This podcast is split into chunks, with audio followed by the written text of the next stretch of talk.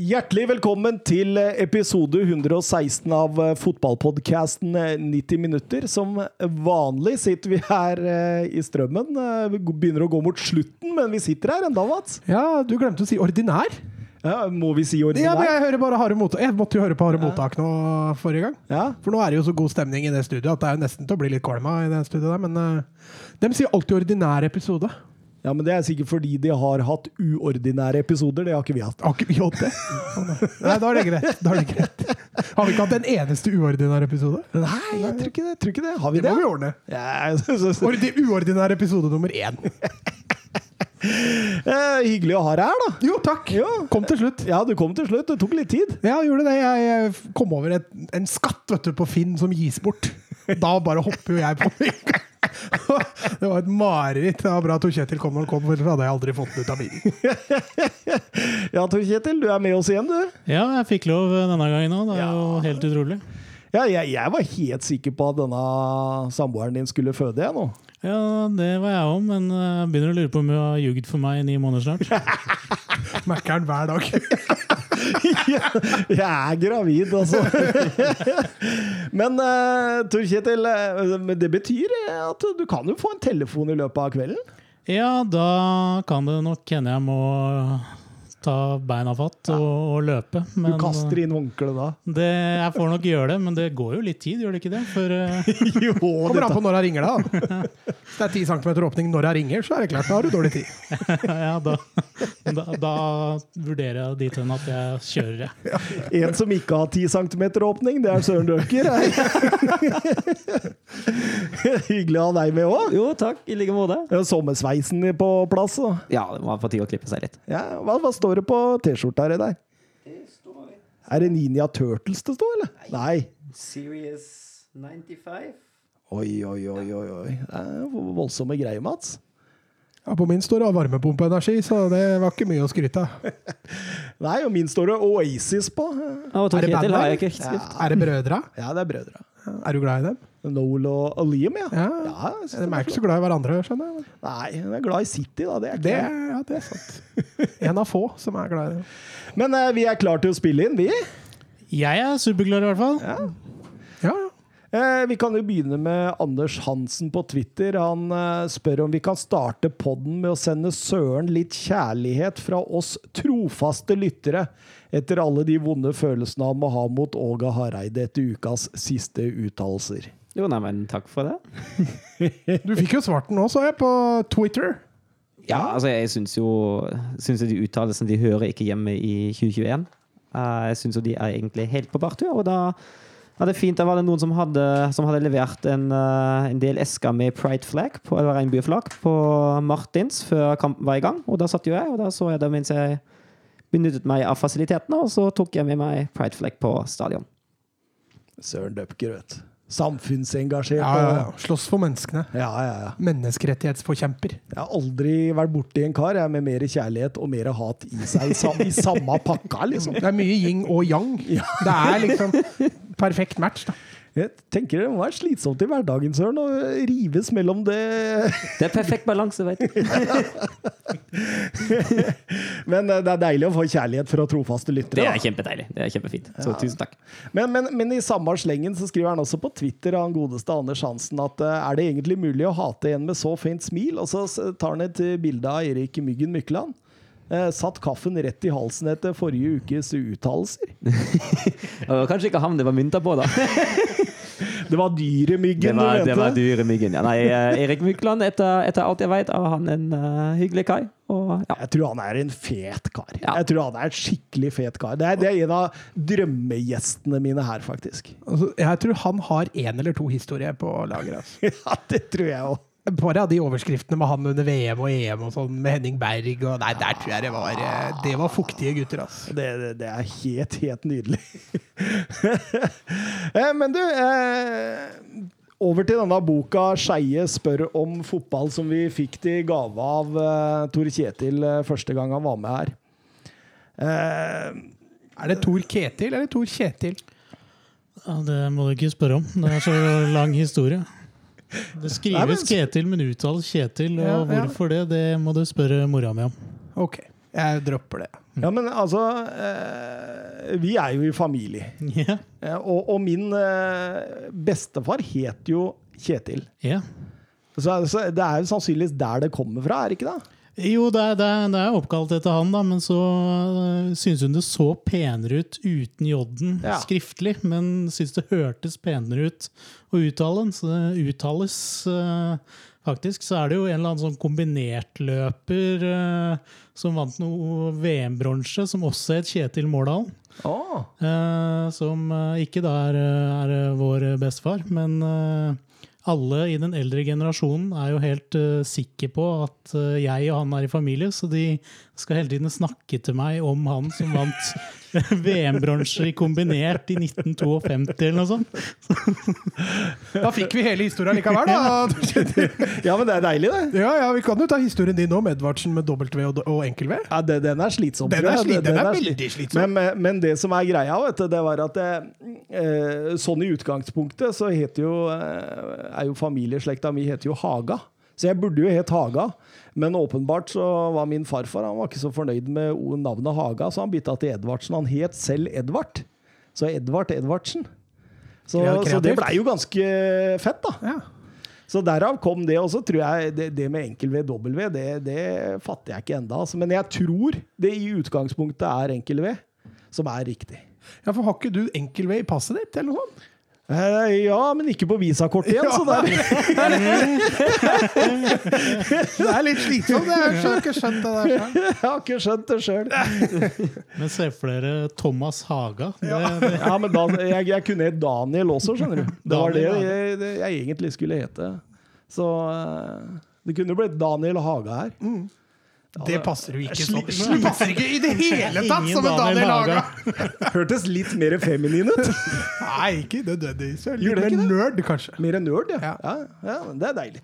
Men over til Arne Skeie spør om eh, fotball. Eh, nå tenkte jeg skulle gjøre en liten vri, og så skulle jeg eh, spørre alle sammen i samme kategori. Og så eh, tar vi tre forskjellige kategorier. Eh, jeg bare trekker ut en tilfeldighet nå, så kan jeg begynne med Søren denne gangen. Og da blir første Champions League. Eh, ja. Spørsmål én, Søren. Hvilket lag er per 2019 det eneste som har forsvart en Ja. tittel? Greit, Real Madrid. Det er riktig. Eh, Ett poeng til Søren. Eh, Tor Kjetil.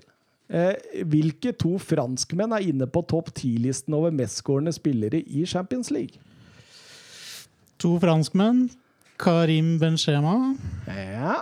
Mm. Henry. ja, riktig.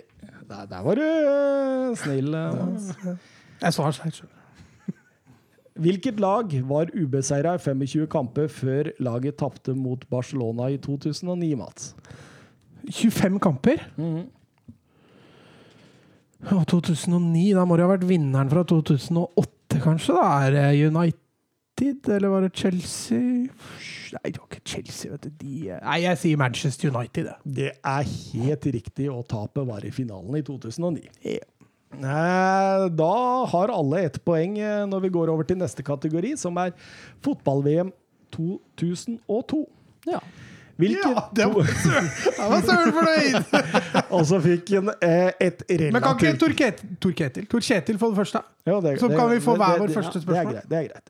I hvilke to land ble fotball-VM i 2002 arrangert? Fotball-VM i 2002.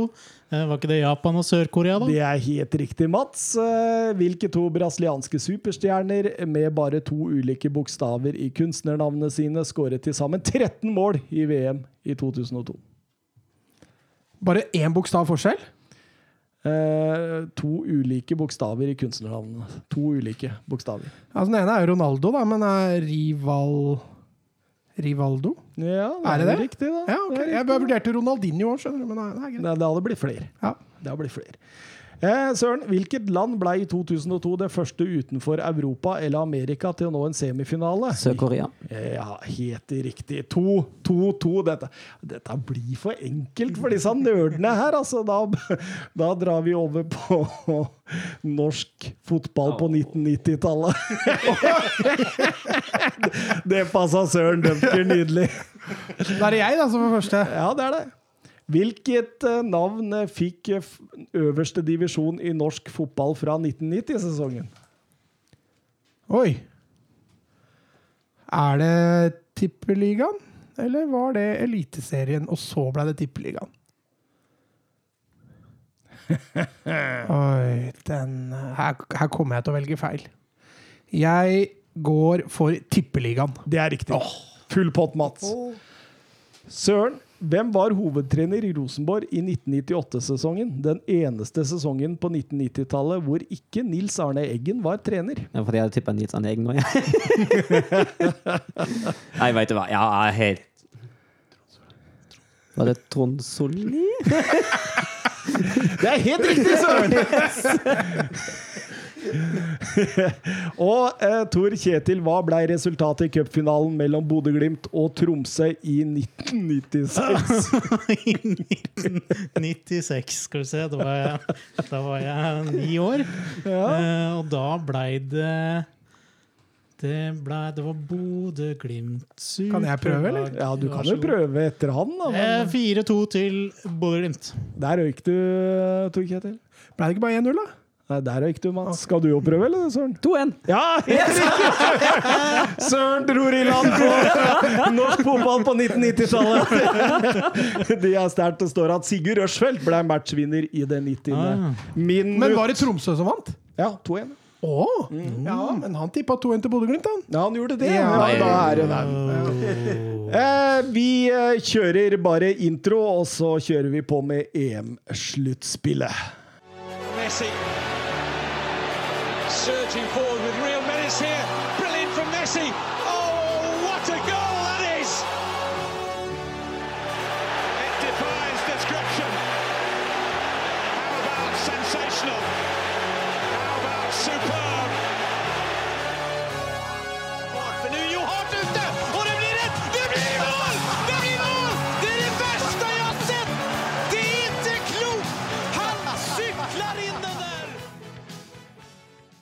Ja eh, da, vi, vi må jo bli ferdig med eh, gruppespillet.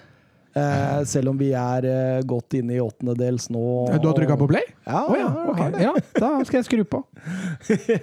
Eh, jeg, jeg tenker eh, det, det, det første eh, der, der vi slapp forrige gang, da, det var jo når England skulle møte Tsjekkia og eh, Kroatia skulle møte Skottland. Nei, England-Tsjekkia var jo mer en sånn kamp hvis det begge var videre. Og så var det jo egentlig litt mer spennende om hva som skjedde mellom Kroatia og Skottland. Ja, sånn for uh, sluttspillet sitt del der, så var det jo selvfølgelig det. Som du sier, Tsjekkia-England de hadde jo begge fire poeng før kampen, så de var jo sikra enten eh, via en tredjeplass eller én og to. ja. Og eh, Går det bra? Ja, i alle dager.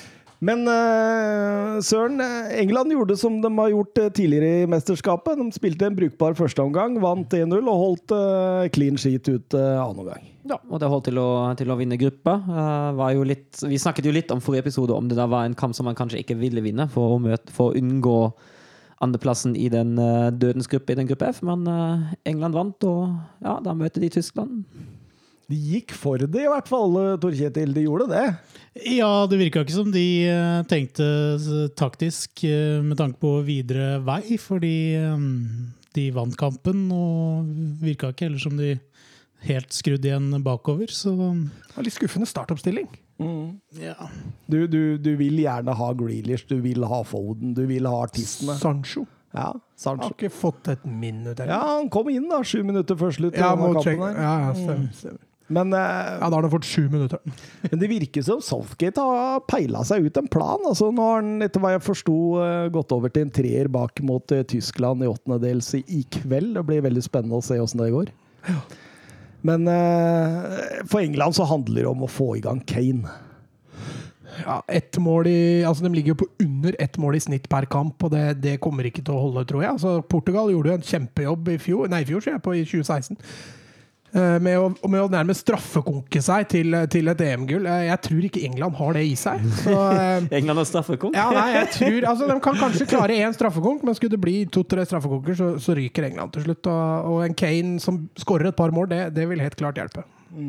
Og som du er inne på, kun to mål på tre kamper. Og de, de vinner gruppa bare for tredje gang i et EM-sluttspill. De gjorde det også i 96 og 2012. Men de har kun skåret to mål, og det er det første gang en vinner av en gruppe har kun skåret to mål i EM-sluttspillet. Eh, så man kan skryte av det defensive her, og så kan man vel eh, påpeke at eh, det mangler litt offensivt ennå. Ja, utvilsomt.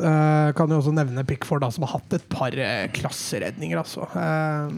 Så så langt kan ikke engelskmennene skylde på keeperen sin. i hvert fall. Nei, eh, for første gang på lenge, kanskje. Ja, jeg husker jo både James og alle gutta bak der tabber seg ut én etter én når det er mesterskap. Så hvem var det? Robert Green, husker du mot USA? Ja, ja. Herregud. Så Er ikke det Pickford litt type nå, som gjør noen Jo, gode redninger? kanskje han, venter, kanskje han venter til det skal avgjøres. Det kan godt hende han gjør det. Mens Kroatia slo Skottland 3-1 i en ganske jevn fotballkamp. Ja, men den var viktig for Kroatia. Det var jo, den der var jo vinn eller forsvinn. Modric andre omgang der, da. Han, eh, Det- det send, han sender jo Kroatia videre nesten på egen hånd. Helt vilt, helt vilt. Eh, med det målet, det kunstmålet med utsida der, så blei Modric eh, både den yngste og den eldste kroater med målet i et EM. Han har hele spekteret. Det er deilig. Eh, det, det betydde jo det at alle tre laga, altså både Tsjekkia, Kroatia og England, tok seg videre fra denne gruppa. Ja, litt synd at Skottland røyk. Jeg var litt sjarmert over det, spesielt etter kampen mot England. Så. Men, eh, men eh, for all del, jeg syns jo Skottland, med unntak av kampen mot England, så, så syns jeg de andre lagene var hakket bedre. Så, så for så vidt greit. Ja. Eh, Neste gruppe, der eh, hadde vi jo Sverige, Polen, eh, Spania og Slovakia. Eh, Og Vi klager jo litt på underholdningsverdien de første to rundene. Det fikk vi jo litt igjen da, i den siste i hvert fall. Det var Den jo, kjedeligste gruppa av de alle. ja. Tor Kjetil mista livsgnisten og, og det diverse. Men uh, jeg koste meg veldig med den siste runden. Det ble jo til at jeg så Sverige-Polen på min hovedskjerm da, og hadde Spania-Slovakia ved siden av. Men det ja, fint. Ja, det glei langt bedre for Spania den kampen her. Og flere som fikk meldt seg på, på skåringslista. Og, og ja, når vi kommer til åttendelsfinalen, så ser man jo at det kanskje har løsna litt offensivt. Hvertfall. hvert fall. Selv om det kanskje har gått på bekostning av det får vel litt drahjelp i den eh, Slovakia-kampen også, Spania der. Og, eh, Ja, vi har jo hylla han keeperen, vi, så vi, vi får jo bare kritisere han litt òg. Ja, få sola i øya der, altså. ja. Det er ikke så Er det en unnskyldning for å slå ballen i eget mål? Nei, det var klønete, det er jeg helt enig i, men samtidig, han redder en straffe rett før der, og, og jeg tror jo Spania hadde tatt tidligere ledelsen, hadde det ikke vært for Dubravka i den kampen der, fordi Dubravka var vel kanskje den beste og slipper inn fem mål i Slovakia, for det var tynn suppe, det der Slovakia-laget der, altså. Det har jo vært selvmålets EM eh, så langt, så han, han føyer seg jo bare inn i rekka. Men det, det er jo fryktelig klønete, og det er liksom sånn Spania åpner ballet. Da. Det, det er litt trist at det er en som han som gjør det. Og Lewandowski skremte svenskene litt. Han skremte seg sjøl òg. altså, at han bomma på den, på den trippelsjansen han får. Altså, jeg, jeg er 100 sikker på at han hadde Bayern-drakt på seg, han ikke bomma. Det, Nei, altså, var det to i tverra og tunnel på seg sjøl på treet? Var det det var det. Og den første i tverra, den jo, den er jo stor. Og den andre i tverra, den er jo egentlig utilgivelig for en, eh, for en spiss å ikke sette. Han har hatt et par bommer i Ja, han EM her, Lewandowski. Men han leverte jo i hvert fall etterpå. Den, eh, den ene skåringa er jo klasse. Men jeg, men jeg mener Sverige har hatt griseflaks i dette mesterskapet. Altså, de, de kommer eh, Altså, Polen er totalt på høyde med dem i denne kampen her, og, og kan fort ta det. De har tre mål i denne kampen med en XG på 1,04. De blei rundspilt av Spania i første kamp, og, og kun en god Robin Olsson, Olsen er vel han heter, for han har danske besteforeldre, eh, som, eh, som eh, klarte å så holde nullen der. Og de sleit lenge mot uh, Slovakia også. Straffe helt mot slutten der som, uh, som uh, Forsberg satt. Så, og, og, og resultatet er dette er en åttendedelsfinale mot Ukraina. Så det, Det er godt betalt. det, det er godt betalt, altså.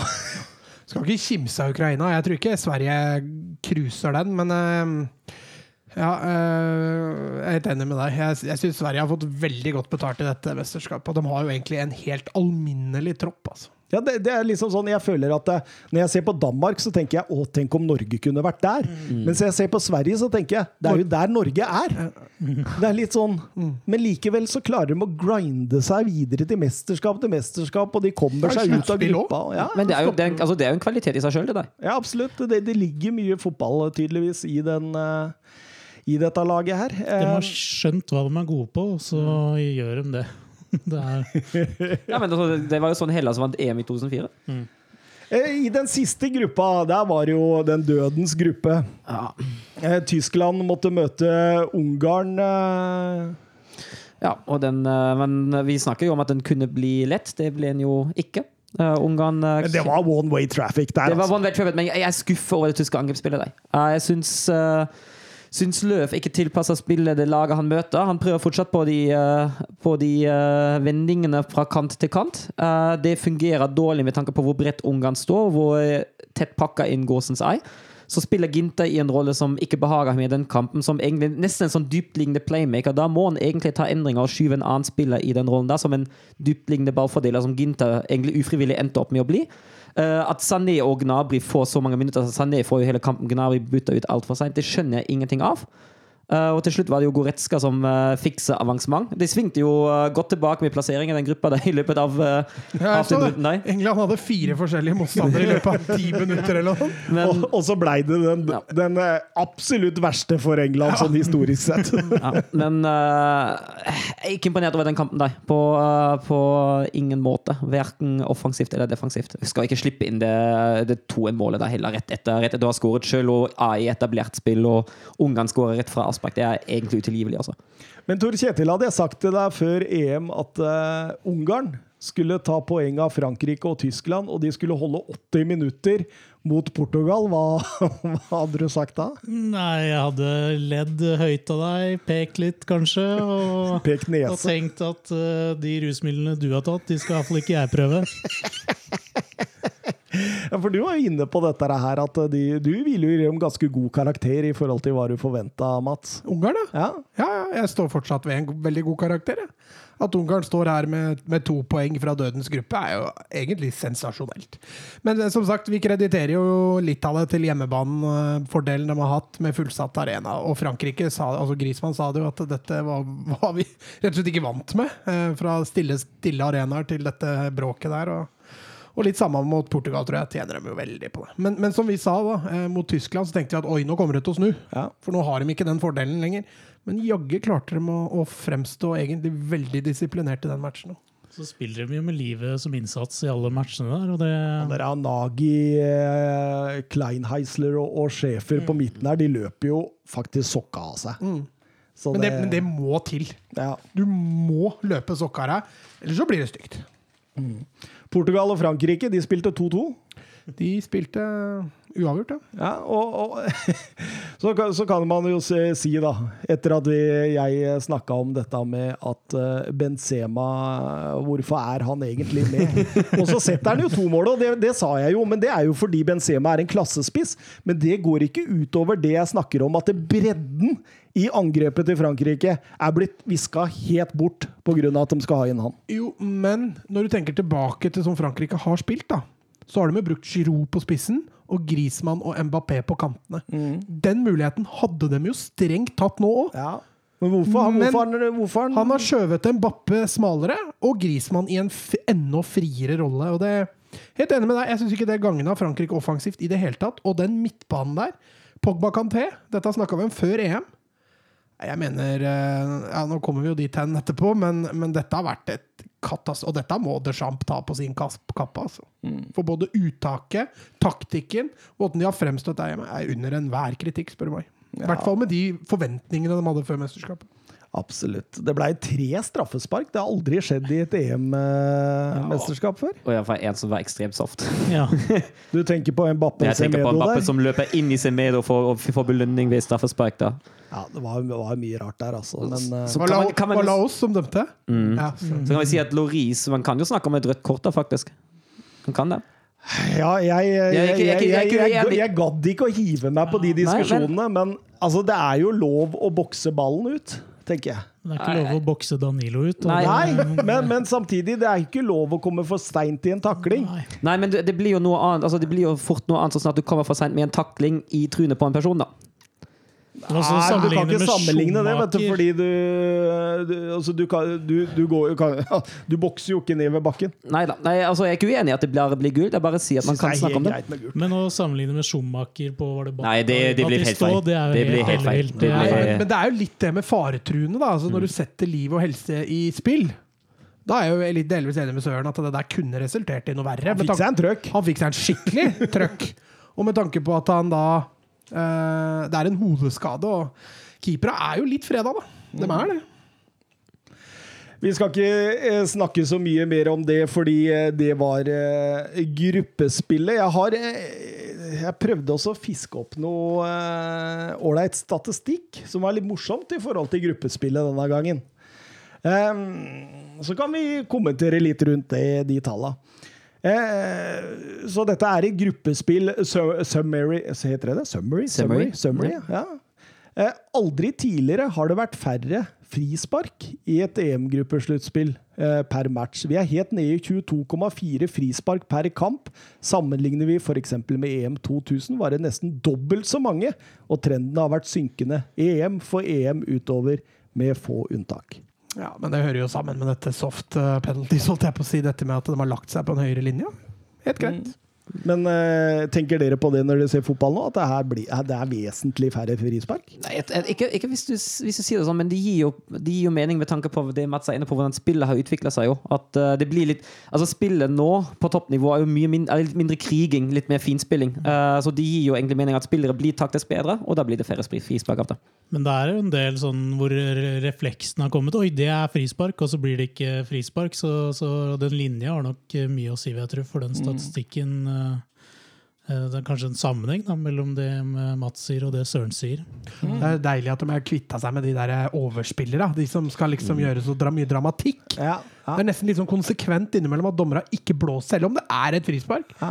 Bare fordi de gjør så mye teatralsk ut av fallet sitt, så, så blåser de ikke. Men det virker jo som spillere, eh, selvfølgelig unntak, men at de reiser seg raskere òg. Det er ikke den der Jeg ser at de mm, prøver å gå for et frispark, da, så i stedet for å bli liggende i sju lang og sju brei, så reiser de seg raskere.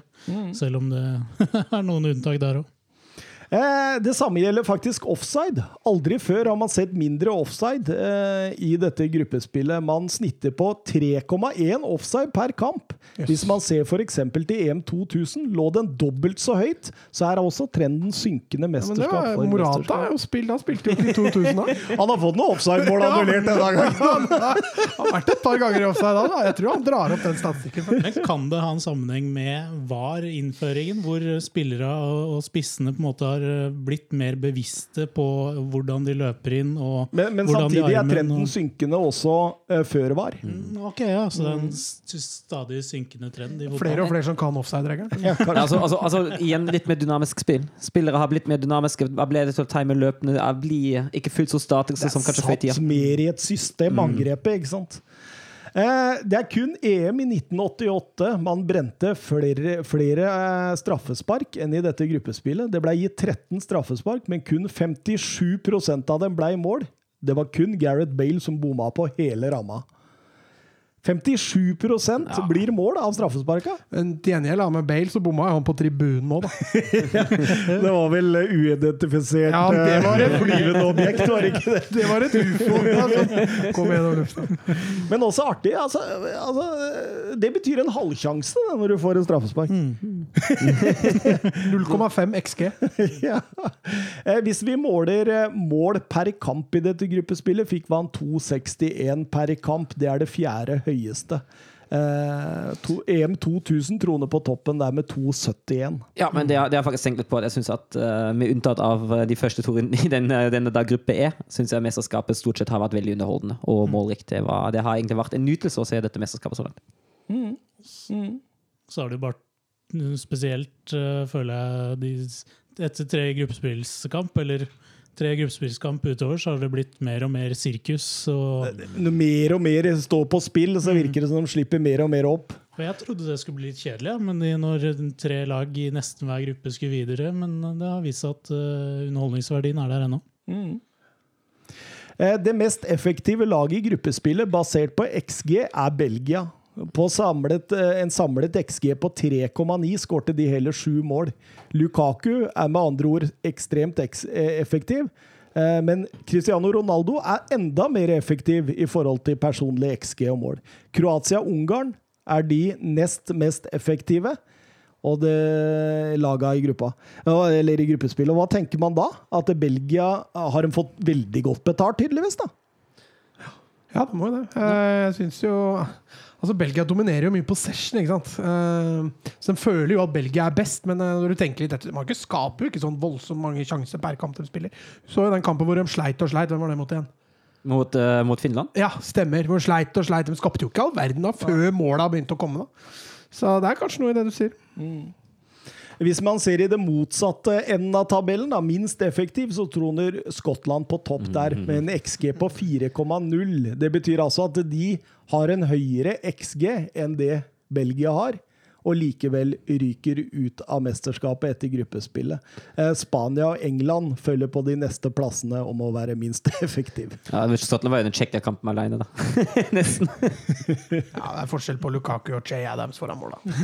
det er det, ja. Det er det. Men Lynn Dykes, derimot, eh, det er Ja, det er ikke forskjell på Eden Hazard og Lynn Dykes. Der er det ganske likt. ja, det er jeg enig i. Ifølge en rekke tall fra The Analyzed, Analyzed uh, har det kommet fram til at eh, Ungarn er det mest direkte laget i EM. Sverige, Nord-Makedonia, Wales de påfølgende plassene. I motsatt ende av liste finner man selvsagt Spania, hvor de i hvert fall over to kamper ble dyttet sidelengst. Ja, det gir, jo, det gir jo mening med tanke på hvordan de blir spilt. Veldig effektivt hvis du snur banen eh, blir 90 grader, da. Men, men, men, men det de sier er Ungarn, ja, ekstremt direkte. Sverige, når de først kommer oppover, ekstremt direkte. Nord-Makedonia og Wales, akkurat det samme. Så du ser jo det er jo kontringslaga her det går uh, mye på. Men det er også laga som mangler stjerner, da. Ja, ikke sant, ikke sant. Eh, Det var kun to spillere i gruppespillet som løsnet over ti skudd eller flere, men ikke fikk mål. Vi snakker om Burak Yilmaz og Martin Braithwaite. Sist, Braithwaite fikk jo mål, da! I gruppespill. gruppespill. Nei, ja. ja. Sistnevnte løsnet, altså Braithwaite, løsnet eh, ti skudd og står med en XG på 0,7. Det betyr, grovt regna at hvert skudd Braithwaite tok, hadde en XG på 0,07. Kanskje litt trigger-happy? Ja, Da er det jo dårlige valgkanter, det tenkte jeg òg. Men jeg så det var noe på Twitter eh, at Braithwaite har flere mål i VM enn Mbappe. Ja. I EM, eller? Nei, ja, i, sa jeg VM? Ja. Ja, EM, selvfølgelig. Det er klasse, da. Det er klasse. Det, det er noe Det var det jeg visste vi skulle kjøpt Braithwaite hele veien. Men Bappe kan, eh, kan bare gå et annet sted. Eh, Lewandowski og Morata var de med flest skudd i gruppespillet, tolv hver. Eh, Ja, Lewandowski fikk jo nesten tre i den ene situasjonen. Ja, hva er expected goal på en eh, nummer to? Nei, den må jo, altså, den må jo være på uh, godt rundt 0,9, altså. Men, men straffe, expected på straffe, det er 0,8. Ja, 0- 0,78 til 0,8 et sted der. Ja. Ved å regne på såkalte PPDA-tall, jeg forsto ikke helt hvordan de kom fram til det, har de funnet ut hvilket lag som var mest aggressivt og sto høyest. Det blar Kan dere tippe hvem det var? Ja. Eh, PPDA, det er eh, Ja, det, passes, det visste jo han. Passes per defensive actions. Ja, ok. Ja. Ok. Altså, det er lag som står høyt og presser høyt. Uh, ja, da skal vi jo bort fra Sverige, i hvert fall. Italia, eller? Nei, de er ikke topp tre. Nei, ikke det? Altså, England de var jo perioder, da. Ja, De er ikke topp tre, de heller. Ja, Spania. Ja. De, ja. Spania er ganske suverene, faktisk. Med Nederland på andre, og litt overraskende Danmark Oi. på eh, en tredjeplass. Eh, lagene som lå lavest ifølge PPDA, var Ungarn, Wales, Slovakia, Sverige og Finland i den rekkefølgen. Men det som var litt eh, oppsiktsvekkende, det er at eh, Frankrike var nummer seks her. Oi! Ja. Men det ser du i et par av matchene. Det er egentlig ikke så overraskende når du sier det. Nei. Altså Frankrike mot Tyskland, f.eks. Frankrike mot Portugal. Og Med unntak av en halvtime da, i den kampen vi kommer til etterpå, så er det er jo flatt batteri. Ja, absolutt. absolutt. Danmark er laget med flest avslutninger i dette EMs eh, gruppespill, 61. Eh, Italia 60 og Sveits 47. Danmark er også de med flest skudd på mål, 22. Spania 19, Italia 17. Høyest possession, Spania. Hvem som helst annen enn Morata, så hadde Spania hatt 20 mål. i den mesterskapet. Eh, høyest possession, Spania. 68,7 i gjennomsnitt. Foran Tyskland, Søren. Ja. Ja, det, det, den, den Ungarn-kampen drar jo kraftig opp. Og som, som, du, som du var inne på, la la jo Spania få, nei, Frankrike også forholdsvis lavt i perioder mot Tyskland. Altså. Hva var det der, da? 86-24 eller noe sånt? 86-24. Og du Nei, nå, nå skal jeg Nå Mats arresterer deg i matematikk, Jeg mente 86-14. da er du på gyngende grunn. Det er, det er definisjonen av gyngende grunn. Altså, jeg så det bare lyste opp Jeg bare lengst tenkte, ja, «Åh, deilig, ass! Toppskårer i gruppespillet Ronaldo med fem. Mest assist i gruppespillet Steven Sober og Pierre Emil Høibjerg med tre hver.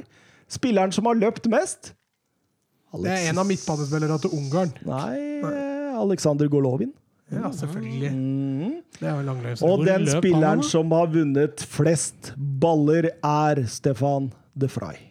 Eh, til slutt, eh, etter en haug av data The Analyzed eh, samla om gruppespillet, så kom de fram til hvor stor sjanse hvert land hadde for å vinne turneringen. Og eh, Frankrike kom best ut med 19,6% sjanse. De er nå ute, men det kommer vi tilbake til. Foran Belgia med 17,9% sjanse, og Spania med 12,9. Videre følger Tyskland, Nederland, England, Italia og Portugal på den lista der. Og så er allerede Portugal og Frankrike og, ja. til, og Nederland Nederland, ja. er allerede ute, og så ryker England eller Tyskland i dag. ja. Så moralen er at eh, matte det trenger du ikke å stole på, for å si det sånn. Nei. Kan like greit gjøre noe annet.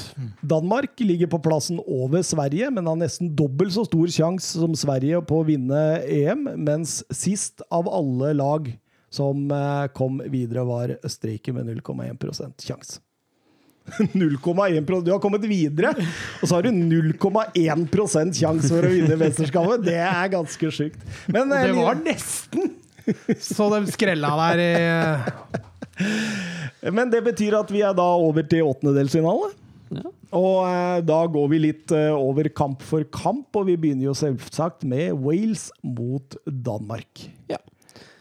Kan vi si at uh, For å starte altså Før, før Danmark begynte å skifte formasjon, uh, syns jeg jo Wales var brukbare. Jeg syns de fikk eh, aktivisert Bale. uh, brukbart da i, i mellomrommet, som binder litt mellom forsvar og angrep. Og angrep litt, og så var det bra ut. Men eh, da Danmark begynte å skifte til en 4-3-3 og flytta Christensen fram, da fant Wales ikke helt ut av det lenger.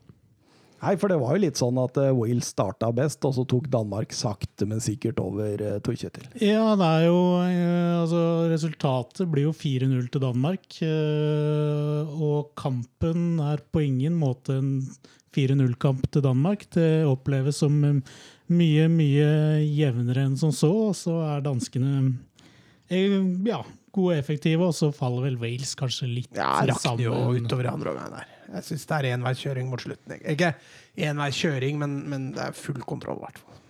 Dolberg setter både 0-1, kunne satt eh, 0-2 der med en nydelig hælflikk også, og eh, setter 0-2 rett etter pause. Og da er det den eh, siste dansken som har skåret to mål i et EM eh, siden lord Bentner. Oi. Oi. og gjorde det mot Portugal i 2012. Eh, Men, men denne Dolberg han kom bare inn i laget, han, eller? Ja, altså Paulsen er vel ute med en skade, så han, han kunne ikke spille. Eh, Dolberg, som da starta vel profesjonelle, eller hva skal vi si, europaeventyret sitt i Ajax. Og fikk jo da et ordentlig retur, opp, eller ret, retur til, til Amsterdam med, med to skåringer der. Og jeg så det, så det intervjuet hans etter kampen. Nei, ikke etter Ja, kampen, det- det var dagen etter kampen. Da han ikke huska hvem han hadde møtt! Hvem var det vi spilte mot igjen? det, Det er humor, ass. det sier litt om åssen boble du er i. ass. Ja, men det sier også litt om åssen type du er. Altså, Ronaldo, Cristiano Jeg tror jeg husker alle måla sine. Ja, Og ja. også mot hvem. Men uh, Dolberg han tror jeg glemte i går han, at han ikke huska å blande saft i flaska si engang. Eh, hva syns du eh, om Liverpool-back Nico Williams for eh, 2-0-skåringen til Dolberg der? Altså, for en pasningsfot! Hæ? Det, det Var det den prega av panikk, eller? Ja, det er uerfaren. Det er vel Nico Williams. Følelsen jeg har, er at han er veldig uferdig og kan ha godt av å komme seg på et lån, kanskje. Og så, så er vi som vi sier at eh, altså eh, Jeg syns jo Danmark legger seg etter den 2-0-skåringen, og at eh, Wales får mer ball, men de klarer ikke å, å true mot etablert, og at Danmark egentlig er farligere på overgangene sine, Søren. Ja, de, de skårer jo, uh, jo to til mot slutten. Nei, skulle, altså, de kunne jo ha skåra før òg. Særlig, særlig vår gode venn Braithwaite. Ja, Han og Joakim Andersen har en eh, dobbeltsjanse der de bør ja, da, han har hatt flere sjanser han har burt score på i dette mesterskapet, han Braithwaiten. Men jeg er helt enig. altså Danmark, eh, Danmark som Mats også var inne på, Danmark ser ut til å ha full kontroll. Og det er egentlig ikke noe altså, Men man sitter ikke og føler at dette har blitt spennende igjen. Man sitter egentlig og føler at Egentlig etter 1-0 så sitter du med en følelse av at eh, jeg vurderte jo å slenge inn noen lapper på, på en storseier til Danmark. Var kjipt jeg ikke gjorde det, men eh, Og så Dolberg gjør 2-0 tidlig i andre omgang der, så Ja. altså, Så lenge Bale ikke har dagen, så er uh, Wales sjanseløse. Hva tenker vi om Harry Wilson sitt rødt kort? Var ikke den litt streng? Litt streng eh, Ja, egentlig Men da, da blir jeg litt frustrert, for er det ikke derfor vi har VAR også? For å kunne på en måte frikjenne spilleren etterpå? Ja. At de ikke hvis- bare skal dømme? Hvis vi konkluderer med litt streng, så skal vel ikke VAR inn på det. Litt strengt. Nei, men jeg syns det er mer enn litt strengt, da. Ja, hvis det er veldig strengt, da Ja, jeg syns det er eh, veldig strengt ja. å gi eh, han marsjordre der. Jeg syns det var eh, Det er, det er en gul, det er en gul kortangling. Samme på den der delikt. Den er også veldig sånn derre Ja, det spørsmålet der er men, men det kan vi ta litt seinere. Men ja. Eh, men eh, samtidig, det har jo ingenting å si. Nei, men altså, det er litt kjipt for ham at han får vel karantene nå på neste tellende kamp, da. Ja, Gjør han ikke? Og det er jo litt, det er jo litt kjedelig, så det kan man jo, altså. Jeg er enig med deg, Thomas. Jeg tenker at da skal, da skal være inn og, og rette det til gull. også. Ja, litt synd for Harry Wilson, som har hatt et dårlig mesterskap. Han spiller jo litt for og framtida som en Premier League-spiller i en eller annen klubb. Og det, jeg tror ikke noen har blitt mer interessert i han etter det mesterskapet. Nei, dessverre. Dessverre. Eh, Danmark, eh, de to første kampene i EM løsna de 43 skudd og skårte ett mål. I de to siste EM har de løsna 32 skudd og skåret åtte mål, så du kan jo si det har løsna litt, Mats. Mm, Det kan det. Absolutt. Det er jo, det er jo Mæle, da. Han er jo helt uh, Han er rå. spinnvill, han nå. Ja, han er jo fantastisk. Ja, den golden han har i matchen her, og er jo Nei, det er, det er, Du ser at det er en wingback, for han har noe å bidra med offensivt. Det er ikke som Nelson Semedo, som må ned til linja, eller så er det en nubbsjans. Jeg vet ikke om du har Du har kanskje ødelegger nå for statistikk eh, Men jeg leste en eller annen statistikk om at Atalanta-spillere har nå 40% av målene i EM. 40 Det hørtes da Ja, det ut. hørtes da voldsomt ut. Det kan kan hende noen overdrevet og bare Ja, det, tror, morsomt det, det må være være Det kan hende at de har regnet ut i sjølmålet, da. 40% av små som har skåret Det ekte. altså ekte Ja, du trekker fra sjølmåla, ja. Ja, det kan det. Da, da kan det hende. Hvem er det som har skåret så fryktelig mange som er i Atalanta? Nei, jeg vet ikke. Pessina, Ja, han har to. Gåsens har én. Mæle har vel to. Gåsens Gåsens har én. Malinovskij kom vel aldri Ja, på jo aldri. Nei, det høres jo, det høres jo Nei, det høres jo helt spinnvilt ut, men jeg skjønner jo hva Altså, det, det, det høres jo ut som det er en som har hatt det litt moro. Kanskje har de vært involvert i 40% mål hvis man tar med assist òg. Hvem veit. Og det er klart at mattekunnskapene mine har ikke akkurat vist Nei, du, du er Matt 2-0. Jeg, jeg er verdig en plass her, for å si det sånn. Vi går over til Italia og Østerrike. Vi eh, ble et lite antiklimaks, egentlig. Jeg trodde de skulle feie Østerrike av banen. Ja, jeg, men Østerrike gjør en vanvittig god match. Altså. Her har de gjort eh, preparations på, på høyt nivå. Jeg tror de har klemt inn en treningsøkt også. Det så sånn ut, for de visste nøyaktig hvor de skulle forsvare seg. Lå Lera? ofte i en sånn femmer eller en sekser bak der, og bare tok imot, og det ble ikke noe rom for uh... Jeg var veldig god til å, til å, stenge, til å stenge av for både Spinazzola og Insigne. Uh, stengte av både den kantrommet der og mellomrommet Insigne faller i. Og da blir det vanskelig for Italia. Altså. Og jeg syns utover i matchen òg, nærmest på en måte Når du forventer at kanskje maskineriet i Italia skal begynne å ta over, så syns jeg Østerrike kommer mer og mer i det. Ja, jeg syns andre omgang til Østerrike var bedre enn første. Ja, absolutt. Og, og Sabitzer og, og Arnatovic har jo egentlig de to største der tidlig i annen omgang. Arnatovic var bra, altså. Men han, han ofrer seg, da. Det er litt den der ungarske innstillinga på, på banen. Slager og imponerer meg veldig den eh, kampen her. For en work rate! For en work rate! Ja, ja, ja. Helt Her har strålende. Wolfsburg gull, altså! Ja, ja, veldig, veldig glad i Han bare gliser når han sitter der borte. da. Veldig glad i slaget. Ja, er Du hadde ikke noe trua på at han skulle få spille noe særlig? Nei, men han fikk, og det er veldig fint. Han spilte jo alle kamper. Og Sabitzer og, forsvarte er plassen der, da. Ja, jeg syns det. Og Sabitzer er jo enorm i denne kampen. Ja. Jobber og sliter og er kreativ og eh, står ikke noe tilbake for den stjernetrioen på midten til Italia. Altså. Nei, jeg syns heller ikke det. Og det forsvarer også litt bruken av Alaba på venstrebekk. For det er sånn du sitter nesten og irriterer deg litt grann, over at du dytter din mest profilerte spiller ut på bekken. Selv om det er egentlig bekk han har vært, da. Men, eh, Og samtidig så ser du han løser jo ting strålende, Alaba òg, både offensivt og ja, men du defensivt. ser de plassene hvor du tenker at der burde han heller spilt. De også løser det bra! Så da tenker du fader, ja, det er greit. da. Men, men var det Vi snakka jo om det forrige gang, det midtbanen til Italia. Var det riktig å rocke om på noe og sette inn Verratti for Lucatelli, eller? Jeg, jeg, jeg tror ikke han har noe valg, jeg. for Verratti er best i verden, kanskje, i den posisjonen han spiller der. Og jeg ble, jeg ble ikke akkurat overraska da jeg så han Nei, ikke jeg Verratti. heller. Eh, kanskje litt overraska at Locatelli ikke kom inn før.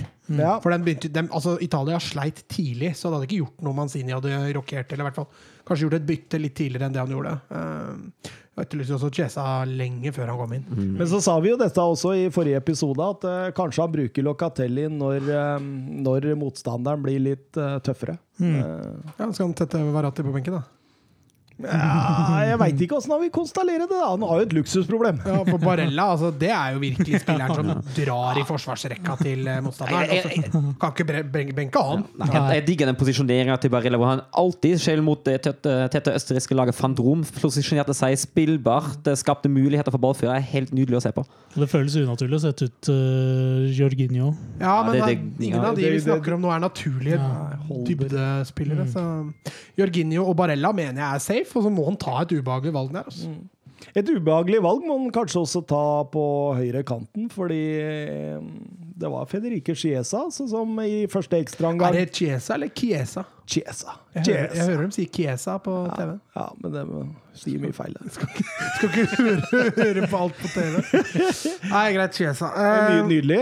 ja, fantastisk prestasjon. Også den touchen han drar med seg inn i banen der når ballen er som høyest. Ja, det er eh, balanse på høyt nivå, altså måten han kontrollerer kroppen og avslutninga ingenting å si på.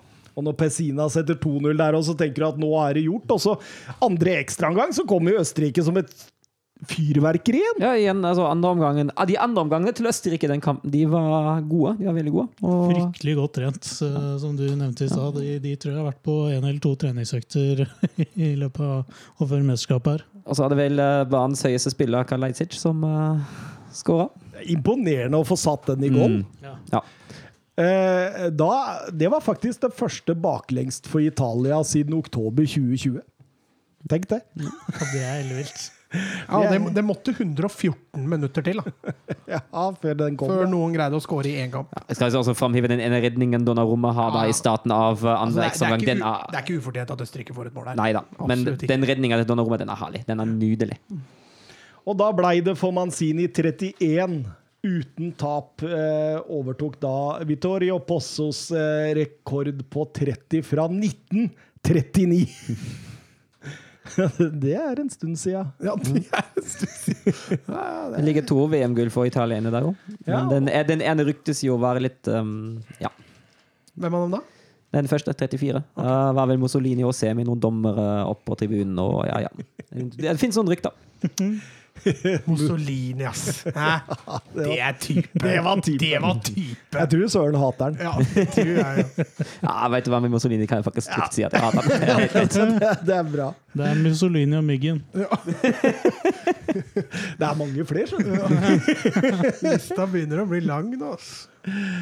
Eh, det betyr at de møter vel eh, Italia møter vel Danmark i kvarten? Stemmer det? Nei, jeg tør ikke å bla nedover, jeg, jeg, jeg, jeg, da ser jeg. resultatet. Var det ikke Dan... Nei. Eh, De møter Spania, gjør de ikke det? nei, det gjør Sveits. Ja. Eh, Italia møter Belgia. Nei, Belgia, selvfølgelig. ja. Belgia. Selvfølgelig, for vi tok, den, den blir jo gøy. vi tok eh, litt eh, forhåndsregler her, for nå skal vi over til Nederland-sjekk. Ja. Ja, og vi, jeg var veldig negativ til Nederland før dette mesterskapet og måtte bare bite i det sure eplet, for de hadde jo et bra gruppespill. Og så kom plutselig nedturen, gitt. Det var egentlig dømt til å skje, men eh, etter det gruppespillet så forventa jeg litt mer av Nederland. Altså. Jeg.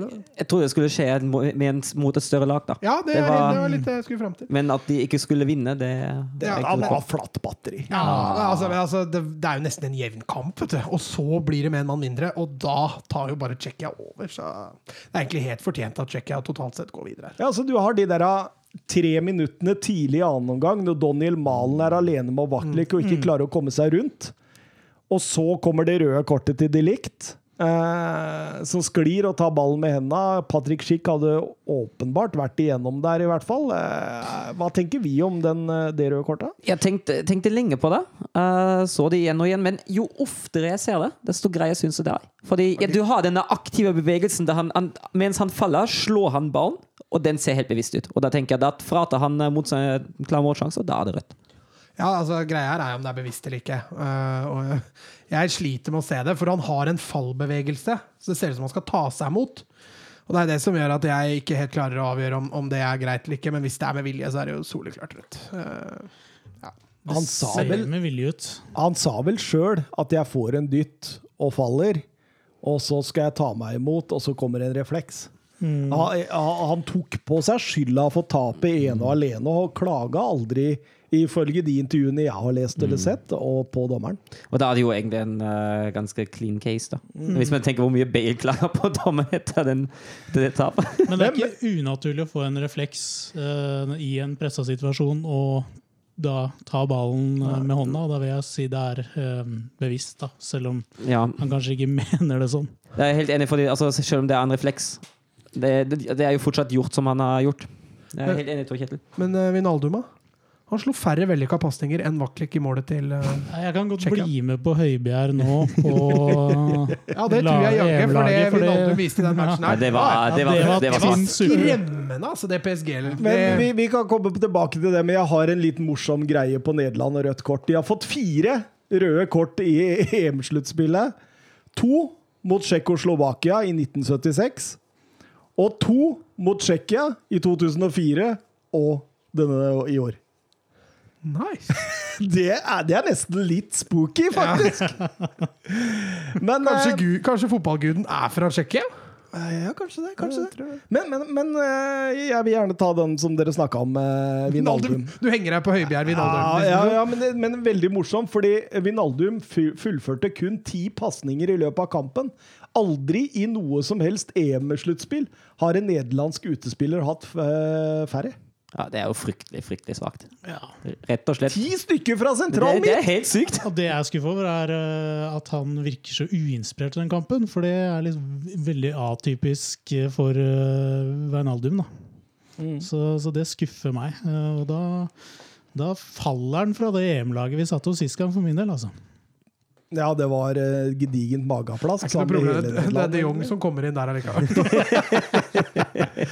Nederland hadde ikke ett eneste skudd på mål i løpet av kampen. Opptatt-tall helt tilbake til EM i 1980 har ikke funnet en Nederland-kamp med skudd uten mål. Uh, uten, uh, uten skudd på mål. Det er Nei, ganske sjukt. For den malen er jo tross alt ikke et skudd. Nei, man kommer jo ikke forbi. Eh, fordi Thomas Haales, denne defensive midtbanespilleren som jobber ved siden av Solsjek der, han, eh, han fant ut at dette avgjør jeg omtrent på egen hånd. Først eh, hvor han eh, kommer for Hedda knallhardt inn på bakerste der etter en dødball, og så eh, serverer han vel Patrick Schick for 2-0. Eh, og da, da er Tsjekkia videre, altså. Det er helt utrolig, egentlig. Jeg hadde aldri sett for meg det når jeg satt ned og så den kampen der. Nei. Mer er det Tsjekkia fikk igjen i Danmark? var det? Danmark gnir seg godt i henda. Men det Tsjekkia virker både inspirerte og solide på veldig mye. da. De jobber hardt og har, har Men noe når du skal opp i en kvartfinale i et EM, tar du Tsjekkia eller tar du Nederland? Uh, nei, det Det spørs Og så- og så så er, det- så er det en sånn tendens at disse laga som lever på litt sånn uh, Kan man kalle det entusiasme Energi. og energi, ja. At de faller litt. Eh, når man går mot slutten av Og så blir det jo bare nesten kortere og kortere opphold mellom matcha i tillegg. Skulle det komme en karantene eller en skade eller noe sånt nå for Tsjekkia, så, så er det klart de har ikke like mye bredde i stallen de som, som de fremste. Altså. Men samtidig, eh, stoppeparet med Kalas blant annet der ser bra ut. Eh, Vaklik gjør en strålende jobb bakerst der. De har en Patrick Schick som spiller over evne, kan du si, i dette EM-et. Og de har to defensive, knallharde eh, Sosjek og eh, Holes. Og de har til og med en Kral i bakhånd der. Så det, det, det er jo et solid lag. ja, kanskje et lag man undervurderte litt før EM. Absolutt. eh, Veldig spennende å se. Eh, får jo Danmark òg. Det, det er sikkert Tsjekkia fornøyd med det òg. Jeg tror det. Ja, jeg vet ikke, altså Hvis du velger mellom Danmark og Wales, da. Det er jo det som er spørsmålet. Eh, Belgia-Portugal, da. Det var vel kanskje eh, den største kampen, hvis du ser bort fra England-Tyskland, som spilles eh, as we speak. Og eh, det ble lite antiklimaks. Ja, Det ble litt skuffelse. Det, begynte jo bra også med den store sjansen til, eh, til Jota etter kun fem minutter. Og så var det mye stillingskrig, mye sidelengs og lite målsjanser. Belgia er litt sånn der Favre light, som du husker den i, i Borussia Dortmund der, hvor du skulle spille deg på press på én side, og så rask eh, diagonal over til motsatt wingback der, til Ja, det funker jo noen ganger med Munier, da. Jeg synes, altså Munier, hvis vi snakker om over evne, altså med tanke på det Munier har vist i Bundesliga i år, det han viser i EM nå eh, det er to forskjellige spillere, nesten. altså. Ja, det er den spilleren Dortmund henta. Ja, faktisk. Og jeg syns jo altså, jeg synes han gjør det strålende i Belgia. Det EM han har spilt, er helt topp.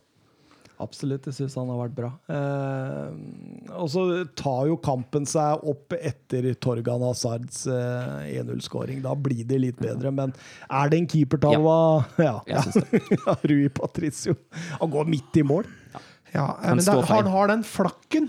Det er jo det som gjør det litt vanskeligere for keeper. Men jeg er for så vidt enig med Søren eh, at det Jeg tror Oblak eh, hadde tatt den. Ja, altså, jeg syns han står litt feil òg. Det er litt det det går på. Han går Altså. for tidlig over, ja. Ja. Uh, jeg syns altså, han skal ta den. En keeper i et sluttspill i EM skal ta den. Vet dere hvor mange mål wingback Torgan Hazard har på landslaget siden sist Eden Hazard skårte på landslag? ja sikkert eh, Fire-fem? Fire? Oi, oi, oi. Men Men bare nå, nå har jo Eden Hazard spilt mer for Belgia det det mest, enn det han har gjort i Real Madrid hele Ja, men Gikk han av med en strekk, eller? Ja, fordi både han og De Bruyne er usikre. Ja, De Brøyne så jeg, har ikke lest noe om Hazard. Ja, Han gikk av med en strekk i Ja. denne kampen her. Han er usikker, Hazard òg. Så, Ja, De Brøyne så jeg, men det er jo kjempe nedtur for Mister både Hazard og Ja, for jeg syns Hazard faktisk har vært bedre i dette mesterskapet enn det han noen gang har vært i Real Madrid. men, men Belgia uten Belgia, det- Golf, Madrid. Nei, Belgia, Belgia McDonald's! Madrid. Men, men Belgia uten Hazard det er, og Belgia med Hazard Nei, Belgia med eh, og uten De Bruyne er det jeg skal, skal, skal Nå går det sur borti her! Er du i ammetåka? Nå, nå er det helt ute av det. Ja, det er for varmt her. Eh, nei, men, men det, det, er litt, det er to vidt forskjellige lag. Det er, altså, eh, uten De Bruyne så er det litt som en eh, lunken eh, øl uten alkohol og kullsyre. Det, det føler det mangler noe. Ja, jeg er helt enig. Eh, Jeg syns også at de, ta- de, de periodene i dette mesterskapet der uh, Belgia presser mest, altså ikke mot Russland, Russland er altfor svake til å virkelig presse Belgia, men mot Danmark, som er jo brukbart motstander mot Portugal, det er jo i de periodene De Brøne ikke er på banen. Jeg er helt enig. Ja, åh, min kjære Paulinia fra Sporting der, han skulle vel kanskje ha to røde kort i løpet av kampen. Der. Han har flaks at han blir, altså. altså, det at, altså det ble, jeg så det var en del på, på Twitter som skrev det at spillere må jo filme for å få frispark.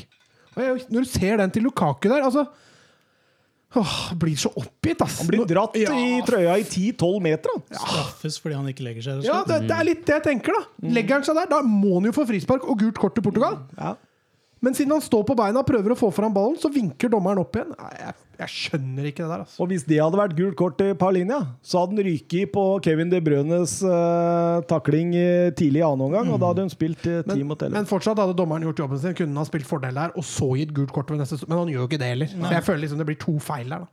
Av dommeren. Utover i annen omgang der så flytter Portugal presset høyere, får inn Bruno Fernandes og Joao Felix, og da, da, da lever Belgia farligere uten en Kevin De Bruyne, Søren. Ja, det gjør det. Da blir de virkelig pressa bakover. Uh, jeg syns ikke Portugal skaper all verdens. De skaper noen store. Men uh, jeg er litt skuffende over det Portugal presterer mot uh, etablert forsvar, altså. Ja, men, men samtidig, altså Belgia de, de, de setter seg ned Altså, de slenger seg ned så lavt. Altså, de synker helt i bånn. Altså, de ser både steinbitt og uer og alt mulig der. Jo, jo, men, altså, men når, du, når, du tenker hva som er, når du tenker hva som er på banen for Portugal, av spillere man kan, man kan gjerne kreve at de kan prestere litt bedre, altså. Men Ronaldo virker litt uinspirert i den kampen her. eh, Ja, men han tar seg opp, syns jeg. Ja, Utover i andre omgang så, så tar han seg i hvert fall opp. Men eh, ja, jeg syns, altså, jeg syns Santos er altfor defensiv Ja. med det mannskapet han har. Helt riktig. Og da går vi over til eh, Van Dahl sitt Twitter-spørsmål. Eh, Se eh, Portugals potensial når de satser offensivt. Det er tragisk defensive Santos kostet dem videre arrangement. Ja, Ja, på en måte, men altså, han hadde jo suksess med dette i forrige EM. Portugal vant vel én kamp i forrige EM, og vant hele EM. Eh, nå blir det rett og slett for vagt defensivt. Når de ikke får til det defensive, og de da har så lite fokus på det offensive Jeg syns han konstallerer også elveren sin dårlig. Rart. Offensivt, ja. Ja, altså, altså, tenke sånn, hvis du ser på det laget hvor det laget virkelig har sine styrker Vi snakket jo om det før mesterskapet, at uh, Diaz er jo, er jo konge, og bekkene er konge. Synd at Coutinho er ute for Nei, ikke uh, Cancelo. Cancelo. Sorry. Um, men når du har svakpunktet på keeperplassen og midtstopper nummer to, og så har du det kruttet da offensivt Det altså, går jo fryktelig ned i kvalitet når du bytter Cancelo med Semedo. Da. Ja, det gjør det for all del. Men, altså, men, jeg tenker, altså, men poenget er du har styrken offensivt. Ja. Spill på styrkene yeah. til laget ditt, ikke, ikke spill på svakheten til laget ditt. Og jeg syns Santos gjorde akkurat det. Han spilte på svakhetene til laget sitt, og det Han var fikk, jo, ut. han fikk jo minimalt ut av Jota. Han fikk minimalt ut av Bruno Fernandes. Bernardo Silva veldig opp og ned. Han kunne jo glimte til, selvfølgelig. Ronaldo har han jo fått bra ut av, får man nesten si. Og jeg synes jo defensivt på midten synes jeg han sliter veldig. Det er bare Renato Sanchez som jeg syns kan dra derfra med et noenlunde høyt heva hode. Av de dype. Motinho fatter ikke at han får mulighet.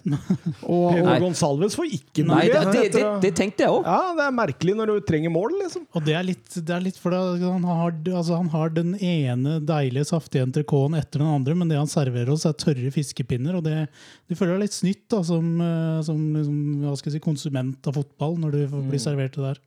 Ja, det Har er du nettopp det jeg der- tenker òg. Jeg, jeg føler meg snytt av å se Portugal nå. har du smakt sånn fiskenuggets? Ja, er de tørre, eller? Nei, de er saftige. De er ordentlige. Det var ikke det vi fikk servert av Portugal. Det var bare det jeg skulle ja.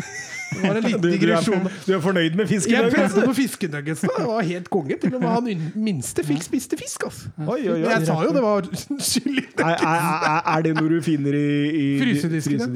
Ja, ja, ja. Jeg sa det var kylling, og han gafla i seg. Ja, for det er ikke mye mat fra bunna hjemme hos Granvoll for tida? Jo da. Er det det? Ikke, ikke fra bunn. Nei, Eller jeg må jo så fall være bunn av frysedisken. Da. Der henter han opp både rødspette Ja, og ja, nei, altså Kjøper inn så det er kylling, fisk og kjøtt en gang Å, hver. du Ja, er ja. såpass flink, ja. Må det. Morsomt. Nei, Jeg kan ikke ha pannekaker hver dag. Det hadde blitt slitsomt. Det tar så lang tid å steke. Nei, Det hadde vært fryktelig lett med pannekaker, men eh, fryktelig usunt. da, gitt. Ja, For du lager ikke den fra bunnen, du kjøper Toro. Nei, den lager jeg fra bunnen. Den, den oppskriften har jeg til og med i huet. Men uh, apropos Portugal, du ser jo de største sjansene de får utover i kampen. Det er jo forsvarsspillere som får også. Diaz der hvor han header etter corner rett på Courtois. En Guerreiro der som får slenger den i stolpen. Eh, så det, altså Totalt sett da, så står de igjen med 23 skudd mot Courtois. Eh, men likevel eh, men, eh, klarer ikke å gjøre noe. men Belgia har bare ett skudd på mål. Det kan nok Står stemme. det i den statistikken jeg har foran meg. Så, så det tyder jo på at det var ikke en Men det er jo det vi snakka om etter gruppespillet. Et effektivt Belgia. De Ja. hadde en eh, XG på 3,9 og sto med sju mål etter gruppespillet. Mm. Men Skottland hadde 4,0 og røyk ut med ett mål. Så der ser du jo effektiviteten, hvor viktig det er å ha disse Lukaku, ha disse stjernene, da. Ja, altså, altså det brønner også. Det er jo altså han står for mye av de XG-ene sjøl. Den, eh, den assisten han har mot eh, Danmark, der setter han jo nesten en XG på, på én til sin egen spiller. da. Kroatia mot Spania, Mats. Det, Ja, du hva? Det var kampen med, med litt sånn følelsesmessige bølgedaler. Fra, fra høye, høye topper til lave bunner. Eh, starter jo horribelt med en keeper som jeg tror jeg glemte å Jeg tror han hadde høyrefot på venstre bein og sånn. Du tenker på Pedris selvmål der? Ja, Pedri vakkert selvmål fra 40 meter. Klinker den i eget mål. Det var en nydelig scoring. Men Unai Simon får mye pepper for den, men det er ikke noe Det er ikke noe det er ikke, En spansk, en spansk landslagskeeper skal redde den ti Ja, av ti ganger, jo, faktisk. Men det er ikke en pasning du sender til en kompis du vil vel. Den med, med en litt sånn denne, den de Har litt skru og Ja. litt oppi i lufta der. Og... Men det, altså, det der, altså skylde på Pedri der, det blir for Nei, dumt. nei, ass. det jeg, jeg skjønner det, men, Nei, men jeg, jeg gjør det. Ja. da Jo, jeg er helt enig, men han har ikke, helt fratatt uh, skyld. Da. Det er, Jeg prøver å, å lære mine elever på fotballbanen at uh, når du skal sende tilbake til keeper, så gjør det utafor mål. Ja, det beste du kan gi en god venn, det er en god pasning. Det har jeg også lært. Men, men var det en god pasning? Det er mulig de ikke var så gode venner. Det kan godt hende. At det er litt ondt Men blod samtidig er det jo et komisk skjærmål, Søren. Ja, det er det. Jeg fikk, jeg fikk litt eh, Det var jo en litt annen type, da. Men jeg tenkte på Kristoff Kramer som satte den i eget kryss fra 30-40 meter borte mot Borussia Dortmund en gang for ikke altfor lenge siden. Det var jo uttakbart for keeperen denne gangen, men den har jeg er helt enig i Mats. Dette er en klar keepertabbe. Den skal han ha. Altså den, den, det selvmålet som alltid har brent seg inn på netthinna mi, det er Lee Dixon. Når han bare fører der, ja. ja. Når han fører den opp langs høyresida, så finner du ut at nei, jeg skal tilbake til Simen, men igjen, og klemmer til over bu. Oi, tok for mye Møllerstrand. Simen lurte jo på hva som traff ham. Var alle rundt? Skøyt jo, liksom! Men uh, selvmål, dette var eh, EMs, EM-historiens lengste selvmål. Altså, ja, det var vel bare noen centimeter unna å være historiens lengste mål. Og det er det Hvor lenge varte det selvmålet? Det tok litt tid. Fortsatt ikke skåra, si. Nei, det er fortsatt på vei inn! Men det er det niende, niende selvmålet i turneringen. Og eh, vet du hvor mange selvmål man har hatt i alle tidligere EM-sluttspill? Er det ikke sånn 7-8 eller noe? Jo, har ikke dobla seg, men Ni. eh, Ni, ja. Litt spesielt. Det har vært mye skjærmål i denne turneringa her. Det har det. Men, men eh, etter en ti minutters tid der hvor eh, Spania virkelig prega over det som har skjedd, så begynner eh, maskineriet å, å å sette i gang igjen, Mats. Ja, Spania de trenger et par minutter som du sier, til å, til å hekte seg på igjen. Og så er det Pablo Sarabia som, eh, som får den viktige utligninga. Den, den trengte Spania der, altså. Eh, Etter å jeg tenkte på det. Altså, det er typisk at Spania ryker på denne måten, liksom. eh, Når de først ryker. Men det det var mye i vente, faktisk. Skal vi hylle Livakovic sin redning i forkant ja, av det? den, Den er- den er helt vill. Det er ikke hans skyld at Spania setter 1-1 der. Nei. Nei, han, han gjør så godt han kan, han. Motsetning til Simon. Og så um, går vi til pause med 1-1, og, og Slatko Dalic han setter inn Kramaric for å åpenbart eh, kontre mer. Og um, kontring det hadde de jo behov for også, fordi det, det, Spania tok jo eh, kontrollen i matchen. Ja, fullstendig òg. litt samme matchspillet som prega en del av førsteomgangen. Spania med fullstendig dominerende ballinnehav, i hvert fall første 20-25. Eh, og så er det Ferran Torres som uh, vakkert serverer Er det mygg, eller? Nei. Nei ok, så Du så så fælt rundt i rommet. som vakkert serverer en Aspelikueta som har en eller annen merkelig grunn surra seg opp innafor femmeteren på der. Og, men det var vakkert ferdig skåra fra, fra Torres. Og så har Guardiol en kjempekjanse som Unai Simon redder. Og så går det nærmest eh, Spania opp i 1-3 der rett etterpå med Ferran Torres. Og Og da der så vi jo Guardiol. Ai, ja. Ja. meg, altså, du lurer jo på Er han på banen? liksom? Man sto og drakk, så du ja. Man er ikke mentalt til Altså, dette var jo Barcelona mot Liverpool 2-0. Ja, det var litt sånn. Han, han, altså, I det Ferran Torres mottar ballen, så har ikke flaska til Guardiol landa på sidelinja der ennå. Så det er, det er jo helt sinnssykt, og da kan vi jo ta Glenn Weber sitt spørsmål. Søren, er det lov å være skeptisk over Guardiol? Mye rart mot Spania, skrev han. Ja, jeg syns det var det, Altså, den kampen mot Spania, den var svak, rett og slett. Uh, både, altså, jeg syns jo han, gjør en ikke så god figur på 1-2 heller. Uh, på en måte, den er, den er horribel. Uh, når det er sagt, jeg syns ikke Rebic hjelper ham noe særlig i kampen. også. Altså, det unnskylder nå ikke de, uh, de situasjonene der, men han får litt harde arbeidsvilkår når Rebic står så langt oppe og ikke jobber hjem. Fryktelig svakt eh, mesterskap av Ante Rebic. Men, men når det gjelder Guardiol på den venstre bekken nå, altså på det 2-3-1-målet Altså, han er jo ikke der. Nei, han er ikke der. Det er vanskelig å kritisere forsvarsjobben hans, for han er jo ikke på banen. Ja, men jeg mener jo at han bør være på banen. Ja, ja, ja, for all del! Han er jo fullstendig Det er litt som når Thomas Party står ute med Arteta Ja. og drikker når Ja. Tottenham kjører kontringa der.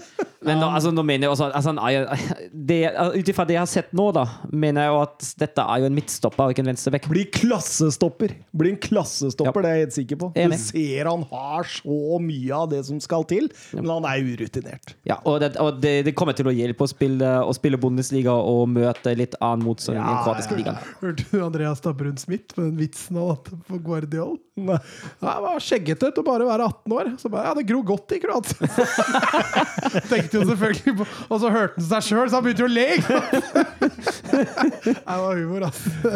Det er litt som han der um, Når eh, Jeg husker den der uh, Han Dag Erik Pedersen Han kommenterte jo Tour de France og Giro Italia og sånt en periode. Ja, han også ble satt ut, ble han ikke det? Jo, jo, fordi eh, kamera filmer jo langs en strand, og der kommer en toppløs dame med ganske store ja, det, ja. Og så sier han nå, nå, nå går det helt i stå for meg her. altså, ikke, ikke, ikke bokstavelig ment, altså, men, men du kan ikke sende sånn i beste sending! Nå går det helt i stå. Det var sånn som var Fredheim det på, på Craven Cottage, eller hvor det var. Det var fitte, fitte, fitte damer utpå. Fittefolket! Ja, var det fittefolk? mye fitte i pausa. Nå blir vi R-rata her. Men samtidig, jeg så på Twitter også, eh, Strive-kommentatoren der som eh, sa når, um, når uh, Balde Diao får ballen Så det er en kamp mot Sampdoria. Jeg flira. Er han der Per Jarle Heggelund som tvitra det. Ballen går opp til Balde Diao, og så sier kommentatoren H.C. Andersen. ja! altså H.C. Andersen til Agudelo. Men så har han åpenbart hatt en chat på ved siden av når han kommenterer.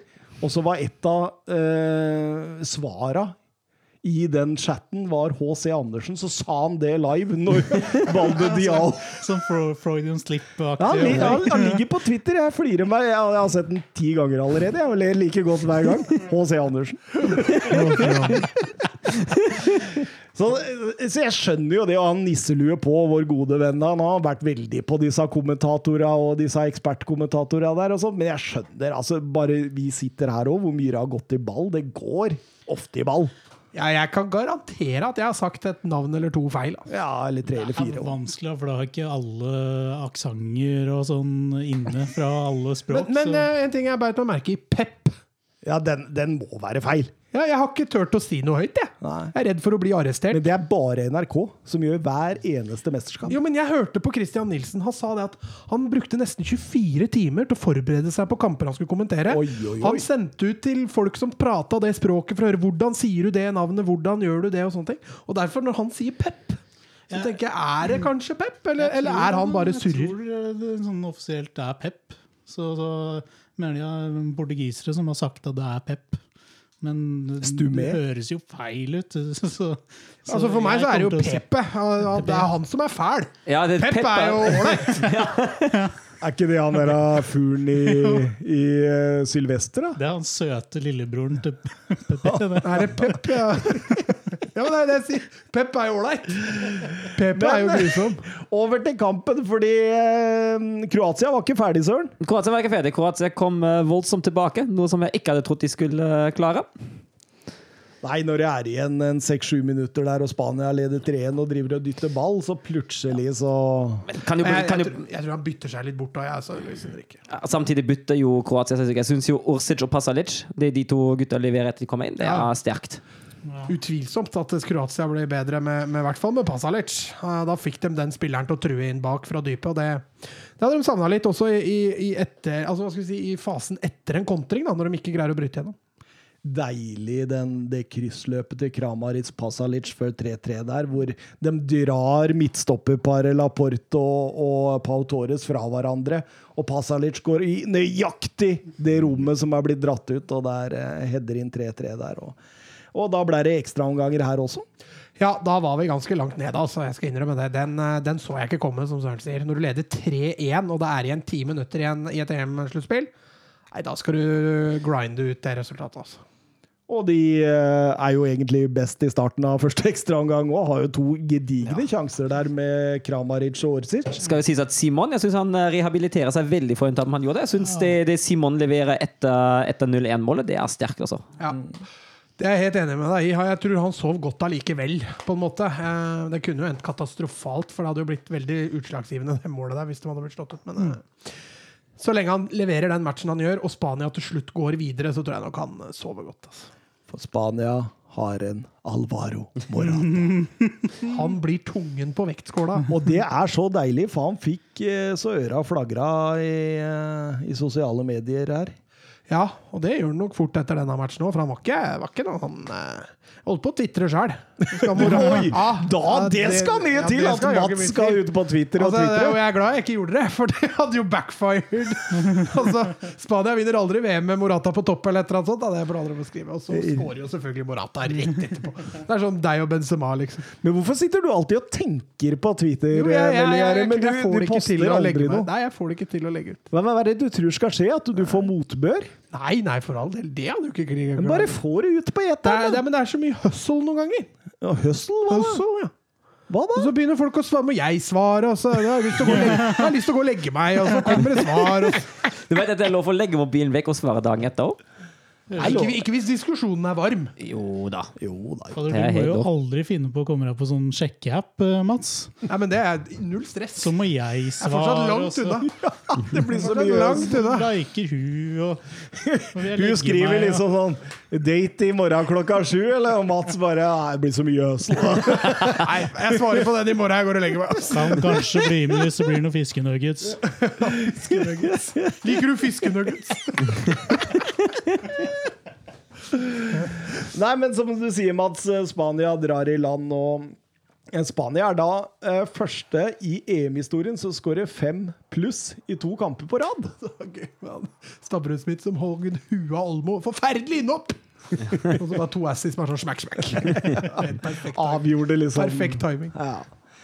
Og det var jo eh, fint, det, å ha Spania med seg når, når eh, gigantene faller én etter én. Eh, for neste vi skal snakke om da, er jo Frankrike-Sveits. Ja, da ruller et gigantisk hode igjen. for Men vi kan begynne med. Oskar Carveio Holm. Han eh, skriver Hva tenker eh, man om Deschamps plutselige eh, taktikk om å, som man stort sett kun finner i en boks med bokstavkjeks? altså, han hadde jo venstrebeksproblemer her. Både Dign og Hernandez var skada. Og Eh, så sitter Theo Hernandez i Milano. Ja. En av verdens beste venstrebacker. og en vi snakka om før mesterskapet, at han burde vært med. Ja. Ser ut som Theo Hernandez eh, koser seg når du sett han på sosiale medier. Han nusser på dama og Ja. soler seg og tatoverer seg. Og har Jeg, tror, jeg tror du ikke han ville vært med i EM? Jo, da heter det. Dama hadde nok vært der når han kom ut òg. Eller kom ut. Hørtes ut som fengsel. Men altså, uansett, altså, uansett hvor mye på, altså, Jeg er jo enig i at uttak er jo katastrofe. Jeg ser også at han må bruke Lenglet uh, sentralt i mitt forsvar istedenfor en- kanskje en Kondé eller noe Upamecano, som uh, han har fullstendig ignorert. Men han, finner, altså, han kan jo disponere dette her på en annen måte enn å bruke, enn å bruke Rabiot som venstrebekk. Venstre vingbekk, vel å merke. Den er, den er fifi. Den er, den er interessant, for å Ser si det det spesielt mot slutten, hvordan Rabiot ikke Han har null Nei. samvittighet ass, mot, det, mot posisjonen sin. Ayem Babo får jo enkel match når han kommer inn. Ja, ja, utvilsomt. Ja, han Han har jo plutselig motto han på sida si. Rabiot veit jo nesten ikke hva som er opp eller ned på sida si. Men hvorfor gjør Deschamps uh, dette her? Hva- Jeg tror han er- overvurderer Rabiot ganske kraftig. Men Rabiot var ikke med i 2016. Nei, men var ikke det, Nei, men- 2018, var eller ikke var det det? pga. mora hans eller noe? Jeg tror ikke mora hadde gitt en husarrest eller noe. Hvis det var det du Nei, men Men var det, det du, er det du leste før vi gikk opp på studio her, om mora til Rabiot? Han, han, at hun hadde krangla med både familien til Pogba og mora til Mbappe etter 3-3-kampen. Fordi Pogba jeg fikk ikke helt med Pogba en pasning han gikk i senteret, og Mbappe fordi han var arrogant. Så mora til Rabiot hun har vært ute Ja, men Pogba mister jo ballen før 3-3-skåringa der. Eh, så er det åpenbart det hun eh, Men det er moro at det, morsomt at mora til Rabiot er i sentrum igjen, da. men, men hvis jeg hadde vært i Rabiot, hadde jeg ikke syntes det hadde vært morsomt i det hele tatt. Men hun er jo agenten hans. så Klart hun har Hun har sikkert han under eh, ordentlig stramme tøyler mellom beina der. Altså. Er Wanda Nara 2-0? Ja, det er 3-0 òg, kanskje. Men han spilte vel ikke Var det ikke fordi at han ikke ville være i en I sånn brut- bruttotropp? eh, eller reservetroppen. VM? Til VM, ja. Så um, det er ikke en til sjarmtroll vi har med å gjøre her. Nei, nei, men Nei, det har jeg sånn- prøvd å forklare i to og et halvt år nå i denne podden, for å si det sånn. Ja, ja. mm. Men, eh, men kampen, da. Haris Seferovic setter 0-1 der etter Steven Sober-innlegg og denne Sober, som vi har kalt mesterskapsspiller. Han har bevist det nok en gang. Ja, fjerde sist for mesterskapet og gjør jo en eh, generelt god kamp på venstresida si. Ja, altså Han er jo banens beste før han ryker, egentlig. Han Mm. eh, har seks starter i, i Bundesliga denne sesongen, Søren. Ja, han, han har vært helt, helt borte i Eintracht Frankfurt, men i, i landslag, for landslaget og i EM der presterer han som bare Ja, nå er han jo, nå er han jo på, på lag, EMs lag. Ja, I sterk konkurranse med Gåsens, kanskje, men eh, ja, det er close. Altså. Prisen har nok steget et par eh, millioner, eh, det EM her. Ja, Men så kommer han tilbake til klubbhverdagen, og så blir det Ja, ikke det er noe særlig særlig Det er det. Men det er hans fjerde assist i mesterskapet, og man Oppda fant ikke noe bedre siden i hvert fall 1980. eh, Så dette, dette er strålende gjort. Og, det, og med tanke på at han satt på benken de to første kampene også, bare som innbytter, så det heftig. Og, men, men samtidig, det er noe urytmisk over det franske angrepet. Altså. Så dette har vi jo vært inne på. Mye så, Du ser den prøver å overbefolke venstresida med Bekker og, og Rabiot. og Hadde en veldig viktig del av det angrepsmønsteret der, da, og åpenbart. Men det, det funka jo ikke. og jeg, jeg tenker jo Når du ser det etter 20-25 minutter at det ikke funker, så må du gjøre noe! Ja, det er akkurat. Altså, jeg, jeg skjønner jo at han går over til fire vekstlinjer, men jeg syns han går over til fire vekstlinjer altfor seint. fordi han, han kaster jo egentlig bort tre backer pluss Pogba som faller Nei, tre forsvarsspillere pluss Pogba som faller. Men når de forsvarsspillere står fire mann, fire franske spillere la, fordi ingen av de skyver opp. Bytter til en sånn, sånn kan, kan man kalle det 4-2-2-2 i, i annen omgang der. og Prøver å få breddeholdere med, med Lenglet komma måtte jo ryke. da. Han var en Ja. vandrende katastrofe bak der. Eh, som Søren sier, det sitter sikkert fem franske stoppere et eller annet sted i verden og kan gjøre det bedre enn han. Laporte. Laporte. Laporte, ja. ja. Dette var faktisk en greie. Altså, når du ser hva Lenglet gjør i det mesterskapet og i de, den omgangen han fikk, og så spiller Laporte på Spania! Ja, og har skåret mer i EM-mål enn Mbappé. Ja. Det sier jo det meste om prioriteringene til Deschamps. Eh, og du ser jo Sveits utnytter jo Rabiot eh, på venstrebekken der. Eh, enorme sjanse. Embolo har jo en der, og så får de et straffespark. Ja. Sober igjen. Sober igjen, som blir feid av Pavard. Og Ja, altså- dommeren Kom deg Ja, opp! altså, kom deg opp. Men med det- er det Benjamin og Pavard har vist dette mesterskapet. Det er under enhver kritikk. Det er så fryktelig svakt. Han forsvarer på ingen måte plassen på fransk Han Forsvarer på ingen måte plassen som høyrebekk i Bayern München, som skal være Tysklands beste lag. Det er katastrofe, det der. Og man kan jo bare tenke seg hvordan dette hadde gått hvis det hadde blitt 2-0 der. Men Joris er nede og redder. Han gjør sin første redning på landslaget siden 2000 og... Ja, det er sin første 2000 strafferedning, ja. Ja. Siden 2012, ja. Stemmer det. stemmer det. Og eh, sist eh, i mesterskap som redda straffe for, eh, for Frankrike, var Barthes i EM 04 mot eh, Ja, hvem det var mot England, tror jeg. Det var mot England. Fabio, husker du den, når han der spilleren løper gjennom? Og Barthes bare stopper opp og strekker hånda i været og later som dommeren har blåst offside. Ja. Bare sånn for å se om motstanderen kanskje slakker litt på. For han, han gjør jo ikke noe utslag. Han bare står med hånda i været, helt rett opp og ned. Og rett før han skyter, så kaster han seg! Ja, nydelig, genialt, ass! Nydelig. nydelig. Han bommer jo, da, men det blir jo mål. Men. Hadde det funka, hadde det vært genialt. Og, og da følger en tre, fire, fem, seks minutter, Søren, med, med hvor eh, Frankrike egentlig fyrer på alle plugger. Ja, og de får jo godt betalt for det òg. Det er to mål vi eh, Benzema. Og da da, da, sitter man jo og tenker hvis dette er det potensialet som bor i det franske laget, hvorfor har de ikke vist det før? Fordi det ser, det, det ser virkelig en uh, tittelfavoritt verdig ut, det de viser i den perioden der. Men eh, så forsvant de jo nesten like fort som det kommer. Ja, men Pongba banker jo inn det, kan, det, Ja, den er nydelig. Det, er, det er jo et av EMs mål. Ja, det er bare synd feiringen ikke står i stil. Altså. Når du skårer et sånt mål, og så skal du være cocky overlegen, det, det syns jeg ikke noe om. Da er det vill jubel og rett bort til fansen. Og, Han hadde fire forskjellige feiringer. Han, ja, han begynte å danse Ja. litt, og var litt hoverende. Og så hadde han Fire forskjellige feiringer. så, Nei, slitsomt. Få det bort. Ja, og det klarte jo Sveits, faktisk. For det kom jo Ja. voldsomt tilbake der. Seferovic gjør 3-2, og så kjører Sveits som får 3-3 ja, igjen, altså. Rabiot. Ja. Sida til Rabiot. Fint innlegg, Babo. Ja, for all del. Men Frankrike Altså Nå har vi jo kjefta på Sverige for å være kyniske, og sånn, men er de litt lite kyniske mot slutten her, eller? Ja, du kan altså, Han setter jo inn Moussa Sissoko. Mm. Og, og stort sett hver gang du setter inn Moussa Sissoko for å trygge en ledelse, så går jo det på trynet. Så. Spør enhver Tottenham-supporter, så får du fasiten. Men uh, det er ikke Moussa Sissokos skyld at Gavranovic uh, Altså, det han gjør med Kim Pembe der Det, det, det, det, er, Burde vært anmeldt. ja, det, det burde vært anmeldt. Det er ikke lov. Nei. Og Kim Pembe han spiller som han er åtte år. Og Ja, eller 80. ja, det er helt vilt altså, hvordan han selger seg der. Det er, det er, en, det er, altså, det er, det en tofots uh, Altså, det er det er, det er en 1-2. Det er ikke noe verre. Altså, jeg har sett folk hylla det, liksom, men det er det enkleste finten du gjør på en fotballbane. Det Kim Pembe ryker på ræva for der. Men den tofotsfinta Ja. Iniesta var genial på den. Skal ikke kimse av tofotsfinta. ass. Det er min favorittfinte, faktisk. Nei, den er effektiv, Ja. men han er enkel. Ja. Men hvis du gjør den ordentlig, så er det ikke lett å Tor André Flo. Ja, Flo. Flo Flonaldo. Søren bare flirer der. Når vi drar fram våre helter, vet du. Flonaldo. Da skal ikke Beckenbauer ha noe da. Og så er det jo litt utgjort når Kingsley Coman setter den i tverrleggeren Ja. fire minutter uh, før uh, Eller på overtid der, og det blir ekstraomganger. En ekstraomganger som bølger litt fram og tilbake, egentlig, og så blir det straffesparkkonkurranse. Og Kylian Mbappé Han kroner mesterskapet Ja. sitt.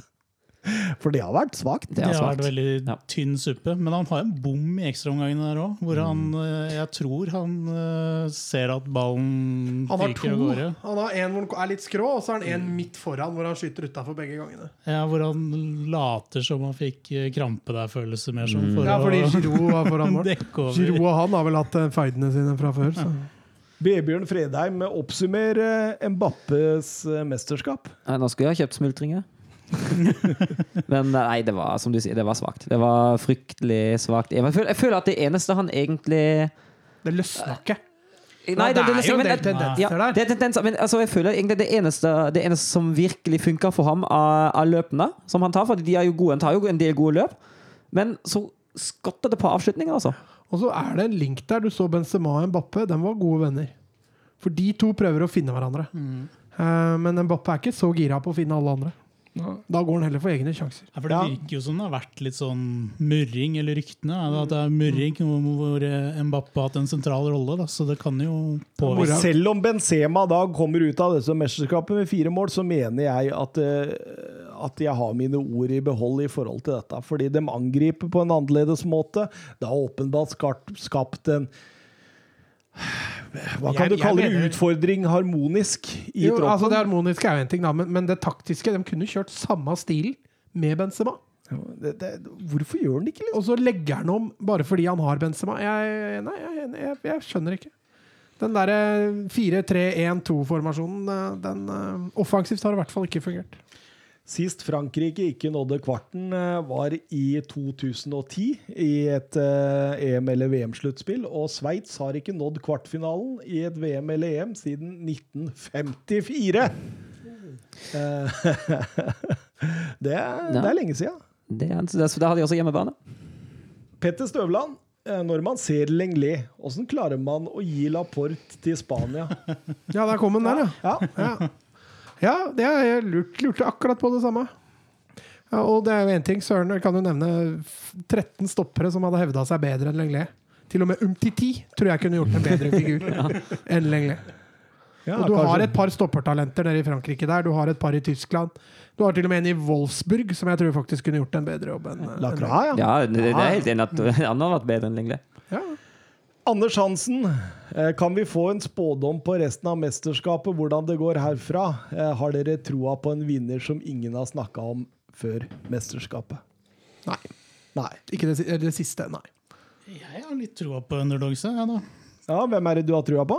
Alle? altså, ja, bare så Bare lenge er underdogs. Nei, men uh, jeg, jeg tenkte før mesterskapet at her er det muligheter. Altså, det har vært et litt rar sesong. eh, kanskje en litt rar oppkjøring, et litt rart mesterskap. Så, så det kan skje noe rart med vinneren. Men jeg syns jo f.eks. Danmark ser ekstremt uh, solide ut på veldig mye. Og så har de trengt å komme litt i gang. Og så syns jeg Tsjekkia også ser solide ut. Så, så det, det kan bli en av de to. Det skal man ikke se bort fra. Altså, vi nevnte jo altså, du, Vi skulle nevne tre stykker, husker jeg, før mesterskapet. Du og jeg nevnte vel England, Portugal Ja, og ja, men det skal vi nå også. Sandra på Twitter også. Eh, hvem er de tre favorittene eh, til panelet eh, til å vinne EM nå? Ja, jeg husker jo vi tre hadde de samme. England, Portugal og Frankrike. Du hadde vel Belgia, Portugal og Frankrike, hvis ikke jeg husker feil. Eh, Nå er jo Frankrike og Portugal ute, så da sitter jo vi igjen med England. Da. Det er, det, det er litt Det er risiko! Det er risiko! Det er Jeg sitter, jeg sitter med Belgia som fot kan ryke mot Italia. Ja, for den, det er jo Italia jeg tenker Ja. nå at, eh, at det er kanskje den store favoritten. Eh, Særlig hvis det brødene nå Ja, og hvis Ja, det tenker jeg og også. brødene. Det da- brødene er nøkkelen der. Men jeg tror også fort vinneren da, mellom England og Tyskland. Eh, Ja, det tror Italia jeg. eller Men, men altså, både med England, England England og Tyskland. både med England og Tyskland, så, i den form som de har vist seg nå, det er et lag som fort kan gå på trynet i en eventuell semifinale mot Danmark òg, altså. Ja. Den er på ingen måte, gitt. Ja, danskene har et eller annet med det samme. ja, altså, den derre Eriksen, Mister Eriksen Du mister den superkreative spilleren, da. Det er klart, når du møter et lag som England eller Tyskland, da forsvares det jo mest. Så det er klart, kanskje den kampen er han ikke så savna, men eh, Nei, jeg har liksom ikke helt trua Nei. på Danmark, altså. Nei, men ta, ta, vi begynner med Søren, da. Topp tre eh, Søren får vinne nå. Ja, Italia er jo, er jo en soleklar favoritt. Eh, Hvis Belgia skulle slå ut Italia, kan det fort hende at Belgia også kan gå hele veien. Men vet jo aldri, det er en enkeltkamp. Det kan fort gå. Uh, så jeg holder på Italia og Belgia der. Og så spørs om det er England eller Tyskland som går videre. Jeg har jo tippet på England for å helgardere meg. Jeg sier England, ja. Men eh, vi, med, for- altså med forbehold altså, det Da må, er, da må Kane våkne, altså. Ja, det tror jeg òg. Men uh, det er jo altså det var men det handler, det handler egentlig mest om at jeg ikke har tro på hverken England eller Tyskland. eh, Men at jeg ser at begge de lagene fint kan komme seg lett til en finale, og en finale er en enkel kamp, og da har tilfeldigheter mye å si. Så det kan fort hende at man vinner pga. det. Man trenger ikke å ha et kjempegodt mesterskap på den fløya der. Ja, for hvis Spania gjør sin jobb, da De møter Tsjekkia? Nei. Ja, men hvem er det du Nå må vi ordens skyld. Du sa nå da Ja, fader, eh, Spania Italia, glemt. Belgia og England. Hva er det du sa? Jeg, kan, det? jeg, kan, by- jeg bytter England til Spania, ja. Sorry. Ja. Eh, Da har du alle tre vinnerne dine på samme siden. Ja, Ja, men det det, det, det, det er heftig. Ja, for det, det er tre favoritter vi trenger ikke å liksom tenke på som eh, De. Bruyne De Bruyne De Bruyne, De Bruyne Schick. Nei, og det, nei, det blir Italia og Danmark og England, for min del. Hvem er det Tsjekkia ryker mot da? Spania eller Italia? Eller Belgia? Tsjekkia de ryker vel mot Danmark. Nei, Danmark. Møter dem. ja. Bare Spania møter Sveits, dem. Sveits har de møtt, ja. Stemmer. Ja, Spania tror jeg slår Sveits. Og så blir, tror jeg Italia slår Belgia, for Belgia har ikke med det brødet. Og da blir Italia-Spania der. Og der tror jeg Italia tar det. Da blir Italia-finalen. Og den andre sida, der kommer jo Sverige og Ukraina. Spiller ingen rolle hvem som vinner der allikevel. Danmark dem tar Tsjekkia, og så Tyskland-England, da. Den eh, Der, der, der, der, står det, altså. Ja. Og så jeg tror jaggu Tyskland tar det, altså. Tyskland tar England, og så ender Tyskland opp i finalen mot Italia. Og da Oi, oi, oi, den Det er en historiefull eh, finale. Ja, ikke, Den, ikke bra eh, historie for oss. Ja, den er hard. Eh, Jeg går for Italia 1 og Tyskland 2. Trenger ikke nummer 3, for det blir- spilles ikke bronsefinale. Nei. Nei. Jeg, eh, jeg syns det begynner å lukte litt Spania, faktisk. Eh, Det eneste som bekymrer meg litt, er det, det, det, det defensive der. Ja, men jeg tror du kan sette inn hvem som helst der. Jeg tror det Altså Ja, det er helt riktig. Der kunne du, kunne du og jeg fått det til. Kreativiteten Pedri har vist i dette mesterskapet her har vært Altså, Pedri, en av de store for meg, har blitt det nå. Uh, en Ferran Torres som jeg de, de må jo bare sette den på laget, for han har de kvalitetene som de trenger med gjennombruddshyssigheten og alt det der. der. Uh, Men hvem skal spille andrekanten? ja, Jeg syns ikke Olmo har vært noe ja, sånn men jeg, jeg ville hatt Olmo. Jeg ville hatt Olmo. Jeg syns det hadde vært strålende. Eh, Men, men samtidig Det eneste jeg er litt bekymra for, det er det de viste nå defensivt mot Kroatia. Det var mye sånn Men Altså, det ene målet der, det, det er vanskelig å helgardere seg mot, da. Men jeg er helt enig med deg. Det men det skjer når de bytter Garcia mot Pau Torres. Da skjer det et eller ja, annet. Da de, blir de må ha Garcia og Laporte. Jeg tror det Og så også. tror jeg de må ha Spillercuelta på, Ja, på helt- høyre. Helt enig med deg. Da får, de, da får de den stabiliteten på Hvis han skal ha inn Pau Torres uh, i neste match igjen nå, da, da Ja, ja, Sveits kan de jo når de tar uansett, men uh, ja, jeg tror også Garcia Laporte er det beste stoppeparet der. Der er det sikkert litt relasjoner òg, fra, fra City. Ja. Så jeg, jeg tror Spania 1, og så tar jeg vinneren Tyskland-England 2. Ja, men du må jo nevne en av dem. Uh, det, er, det er så hipp som opp, sier Tyskland. Eh, tre da er da Italia for meg. Jeg tror Belgia nå eh, tror jeg de er litt på tannkjøttet. Jeg tror, altså, jeg tror Belgia rykker mot Italia. Men samtidig så har disse tre stoppere av det aldershjemmet der, så det har funka bra. Altså, Ja, de har, de har sett bra ut, faktisk. altså Fertongen, strålende alder. hjemme. er helt aldersveireld hjemme. Nice. og, og selv Fermalen ser jo faktisk ut som Jeg tror ikke han har vært skada siden han var i Barcelona, faktisk. Nei, koser seg i KB der i Japan. Eh, Anders Hansen også. Hvem blir EMs eh, største smell? Altså en floppa overgang etter imponerende spill i mesterskapet? Super, da. Super, ja. Det blir super, det.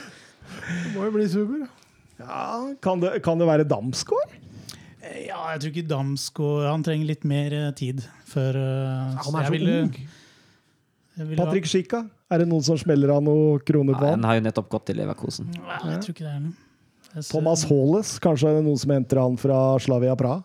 Ja, eller eh, kanskje en av Atalanta. Men tror du, tror du han blir, tror du han blir flopp i så fall? Det var vanskelig å si. Ja, ikke, ikke ikke, ikke, ikke hvis han går til Westham. Der, der lykkes si- jo alle sjekkere. Kan jeg si Martin Braithwaite, eller er det innafor? Ja, men han, han, han må ha strå- ha spilt strålende i mesterskapet, og da føler jeg at det er ikke da Braithwaite hadde vært Da. Nei, han, altså, hvis, hvis du ser bort fra skuddet hans, så har det jo ikke vært så ille. Ikke så ille, jeg liker Jeg meg ikke kommer meg ikke unna med den. Nei. men uh, nå er kanskje ikke Merle den som um, er kanskje linka bort, men han òg fort kan jo være i den kategorien der, da, hvis han går fra Atalanta. Men da, hvis han går til et lag hvor det er wingback, så tror jeg han kommer til å gjøre det bra uansett. det. Eller, uh, ja, som eh, ikke nødvendigvis går noe sted, men som fort kan bli en flopp. Uh, Spinazzola. Skal inn i. Mourinho-systemet der. Det, den den syns jeg er litt fin, for Spinazzola har jo hatt en høyst eh, varierende karriere til nå. Så det, den, den, den kan være fin. Eh, Jørgen spør om vi skal eh, Han spør om det er litt kjedelige kvartfinaler. Belgia-Italia blir jo fun. Jeg syns Danmark-Tsjekkia høres ut som en morsom kamp. Ja. Jeg, jeg føler mesterskapet her har vist at du kan ikke Det du forventer eh, på forhånd, eh, trenger ikke å slå, slå av. Nei, altså slå Det er jo favoritta som har skuffa mest. da Mm. Så Sånn sett så er det ikke sikkert vi får noe kjedelige Men det er klart, jo mer som står på spill, dette har vi jo sett i mesterskap etter mesterskap, så er det jo flere kamper som blir gørrende kjedelige. da. Spennende, spennende. Vi eh, går over til eh, overganger, rykter og transfers. Det var en fin overgang. Ja, kom inn. Det var en fin Ja, overgang, sa jeg. overgang. Syns du sa 'jeg har en fin Nei, det var en fin overgang. Ja, fordi eh, Alexander Nybel Ja, han, eh, han da, har fått seg en overgang. Ja, de har ombestemt seg. Nå har han gått Nei! Ja, nei, nei, nei de, har, de sa jo allerede tidligere, rett før mesterskapet, før EM, sa de jo at nei, Nubel vi har Oliver Kahn var ute og sa Nubel har vi stor tro på. Han er andrekeeperen vår, og det, det kommer han til å bli. Og nå har de ombestemt seg to år. Låneovergang til eh, Monaco. Samtidig returnerer Sven Ulreich, langvarig, langårig reservekeeper fra HSV, tilbake til Bayern for å ta sin vante plass bak Noya i keeperkøen i München. Apropos Bayern München, eh, det morsomme ryktet om Renato Sanchez. Nå har vi most deg én gang, Ja. og så har du kommet deg opp på hesten igjen, så nå moser vi deg én gang til. Henta ham etter et strålende mesterskap i 2016, så har han vært god de gangene han har vært på banen i 2021 òg. Men nei, det, det tror jeg ikke skjer. Altså, man vet jo aldri med Hassan Salih Hamidzic, men det kan jeg ikke se for meg. Det jeg, har hatt, jeg har vært Renato Sanchez, så det er liksom, nå har jeg prestert godt der jeg er nå. Og fortsette å prøve det litt til før jeg eventuelt hadde hasta meg ut i en overgang, faktisk. Ja, altså, hva skal, hva skal han i Bayern når de har Kimmich eh, og Goretzka sentralt? For det er en av de portugisere du lot deg imponere mest av, eller Mats? Ja, jeg syns, han minner meg om en, om en litt mindre versjon av Paul Pogba. Mm. Sånn driv med kula. Eh, er også ganske løpskraftig og ganske kreativ. Så jeg, jeg, jeg lot meg veldig imponere. Det virker som han er liksom Han var jo voldsomt hausa da, for et par år siden. Mm. Og falt jo fullstendig gjennom i både Swansea og Bayern, og uansett hvor han dro. I Swansea hadde han jo også en sånn reklameplakatpasning som Tiago Alcantara hadde på turen sin. Men eh, nei, i det mesterskapet her, og i Lill da, for så vidt, så syns jeg han har hevet seg. Så virker det som han altså er ganske fleksibel. For i Lill har han jo spilt mye på kanten. Mm. Mens her viser han jo at han, han duger sentralt. Eh, eh, før vi begynner med all styret her, vi kan ta noen bekrefta også. Nicolas Gonzales gikk til eh, Fiorentina. Ja, det gikk han. Det var vel ja, det, det var vel allerede rykter i fjor at den kanskje skulle gå, og så klarte de å beholde den et år til. Så det kommer ikke overraskende. 20 millioner euro for Stuttgart er ikke en kjempedårlig deal. Nei. En annen som har forlatt Bundesliga, er Milo Trasica. Ja, den går til. Norwich.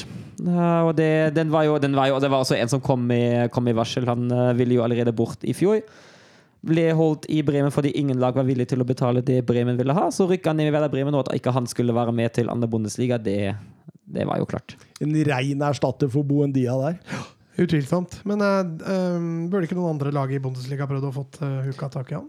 Jo, jeg tror det var, det var Det er et lite tap for det, Bundesliga. ja, det er det, men uh, det var, det var noen løse rykter til, uh, til både Wolfsburg og Leverkusen, tror jeg. Um, men samtidig er jeg egentlig glad for at jeg ikke får han i Wolfsburg, fordi han virker, altså han er på sitt beste han er jo helt strålende. Ja, det varierer veldig. Han varierer veldig, og i de kampene det virkelig gjelder, da er han helt borte. Jeg føler at han ikke har den mentale styrken som skal til i de virkelig tøffe kampene.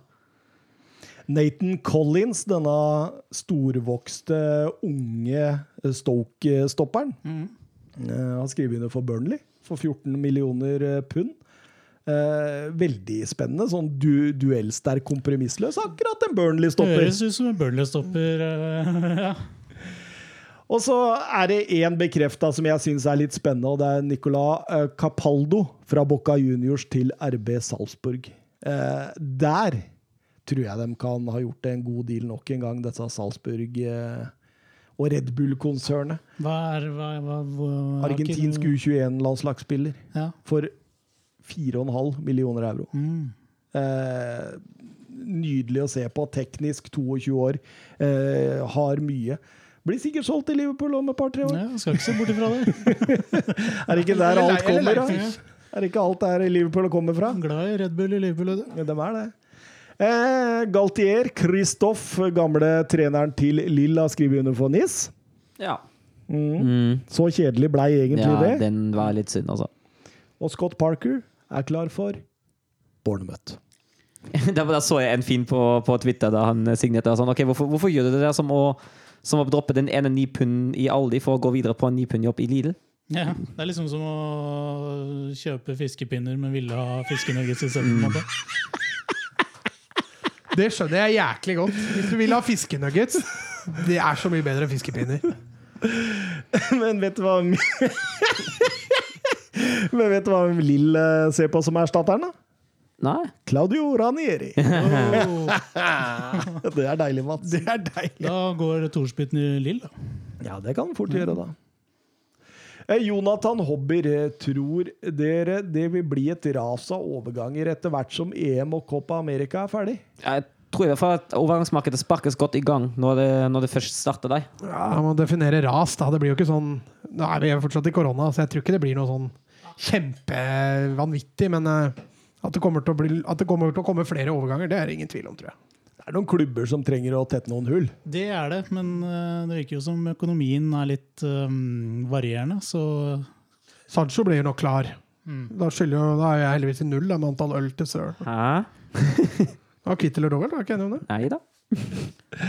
Så pingler, så pingler. Premier League-klubbene virker jo fortsatt eh, rimelig kjøpesterke også, så jeg tror der kommer det til å bli henta mye spennende. Apropos Sanchez, da, så er det som du sier, han er nærmest eh, klar eh, Hvem Sanchez? eh, Sa jeg Sanchez? Så mente jeg Sancho. Å ja. Trodde du snakka om Renato Sancho. Nei. San Renato Eh, har- det er kun betalingsstrukturen som står igjen, ifølge Fabrizio Romano. Ja, det, og det er jo det er jo trolig. Det er jo forventa at han skulle til United i år. Da blir det ikke noe Haaland, da. Han selger ikke både Nei, Sancho og Haaland? Jeg tror ikke det. Tror jeg ikke. Det virker ikke Da, I så fall melker de, eh, melker de en klubb virkelig for penger. Og i så fall går det en overgang også ganske tidlig at de finner tid til å hente seg en erstatter. Olympique Marseille har flere følere ute. De eh, Ja, De har henta Conrad de la Fuente. ja, Han nevnte du ikke. Nei, men nå har du nevnt den. De ønsker også Roma-keeper Paul Lopez, eh, Roma-wing Schengus Under og Matteo Guendosi nå i løpet av eh, de nærmeste dagene. Skal vi, Hvem, hvem klubb var det du sa nå? Jeg hørte ikke. Eh, Olympique Marseille. Olympic Marseille. skal, skal vi satse på at eh, Mkhitaryan sender brev at han også vil? Han har lyst vekk, han òg! Mourinho er kommet tilbake! Mens Mourinho han ser jo ut som han eh, sikrer seg. Granit Xhaka så du intervjuet med Xhaka etter eh, kampen i går. Nei, Reporteren sa 'skal vi ta det på italiensk', eller? Og da sa han 'nei, ikke ennå'.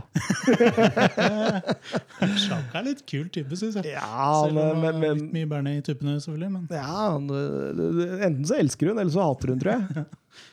jeg tror jeg er på elsk, jeg. Du er det, ja? Jeg tror det. ja. Eh, Florentino Perez eh, han har vært ute med nytt intervju, Mats.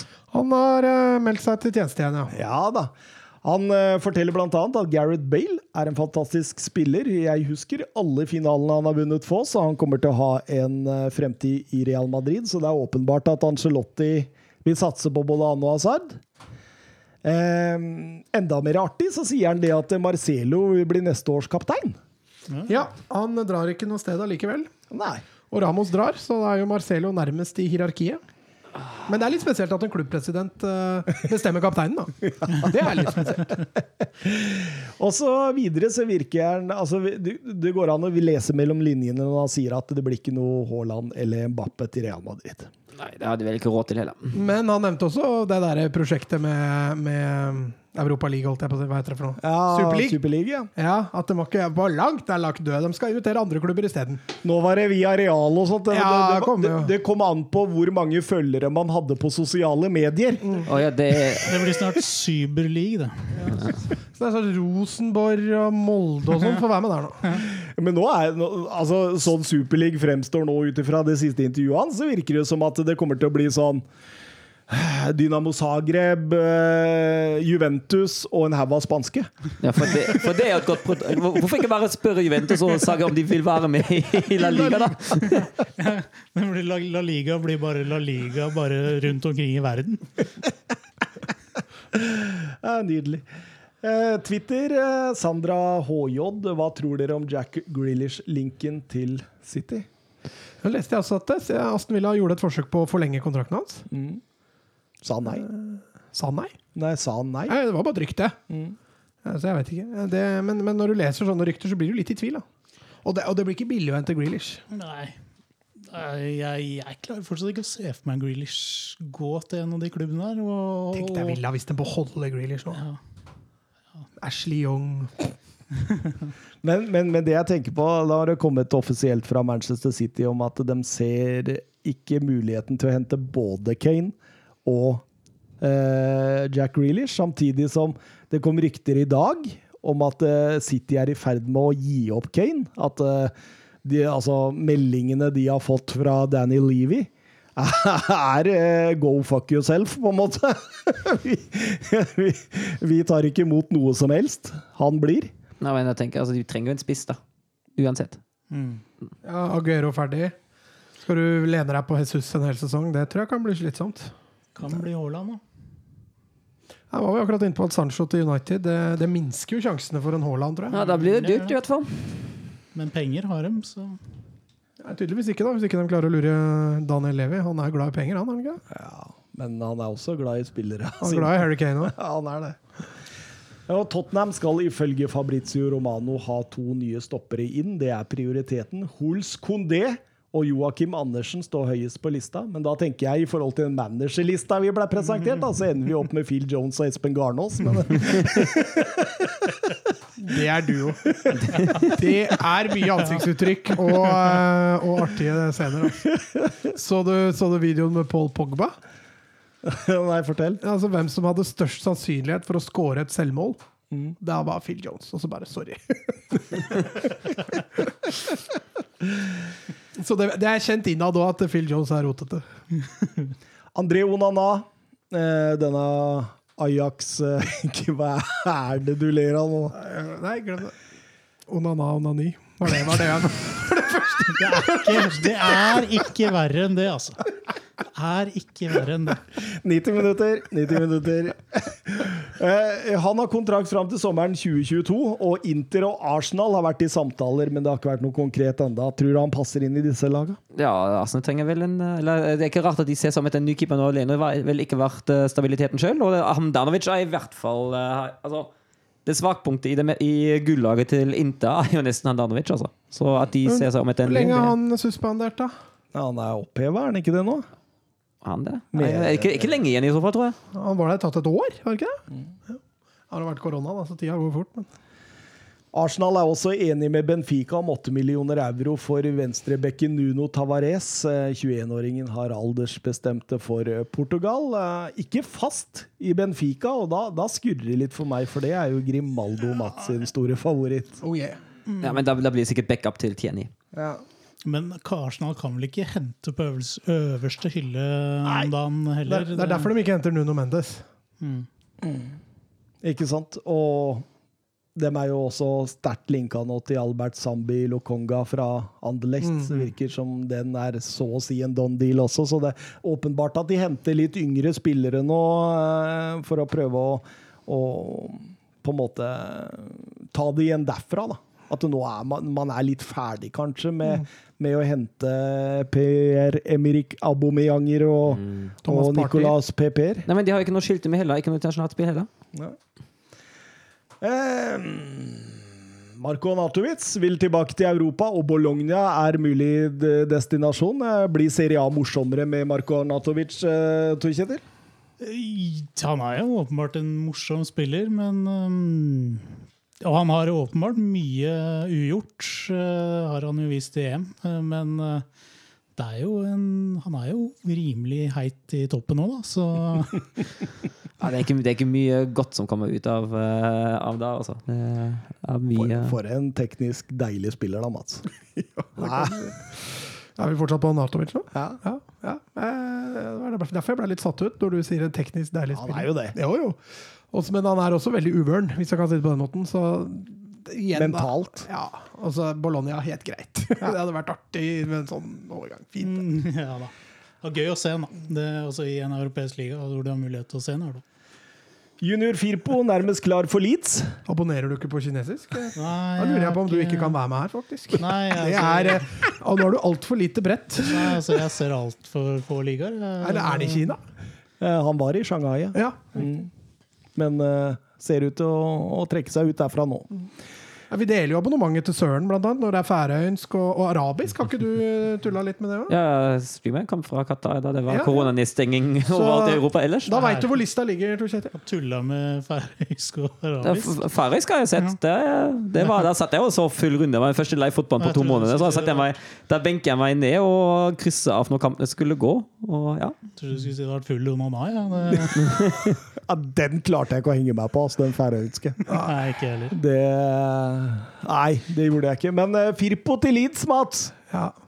Hva Han har vært linka bort lenge nå, så det er nok en overgang som fort vekk kan, kan gå. Alba også har vært linka bort lenge, men eh, ser ut som han blir. Så er spørsmålet da hvem de skal få inn isteden, for de er jo nødt til å ha en backup på den venstre, venstre bekken. Kan han blomstre under Bielsa? Ja, Firpo har, det er potensialet der. Men det, jeg tror nok han er klart best i en sånn wingback-rolle. For det var der han blomstra i Betis. Det var der han gjorde det så bra med det spanske U21-landslaget. Og når han kommer inn i en rein back-rolle i Barcelona, så har han falt fullstendig gjennom. Altså. Akraf Hakimi ser ut til å bli klar for PSG. Men, Så så. det er jo ikke noe overraskelse. For, peng, for Inter veldig sårt trengte penger nå, så det er jo sikkert de fornøyde med òg. Og Ramos er på husjakt i Paris også. Ja, det er det, ja? Mm. Det er ikke FC Paris han skal signere for, Der, regner. Nei, jeg regner ikke med det. Men da, da snakker vi Donnarumma, vi snakker Vinaldum, vi snakker Hakimi og Sergio Ramos inn. Det begynner å, begynner å bli mye gode spillere inn der nå. Ja, så, Men de har mye gode spillere fra før òg. Ja, det er det ikke som er spesielt. Det er det jeg mener. At, eh, er, det, er dette QSI, altså Qatar Sports Investment, er dette deres siste sånn nå?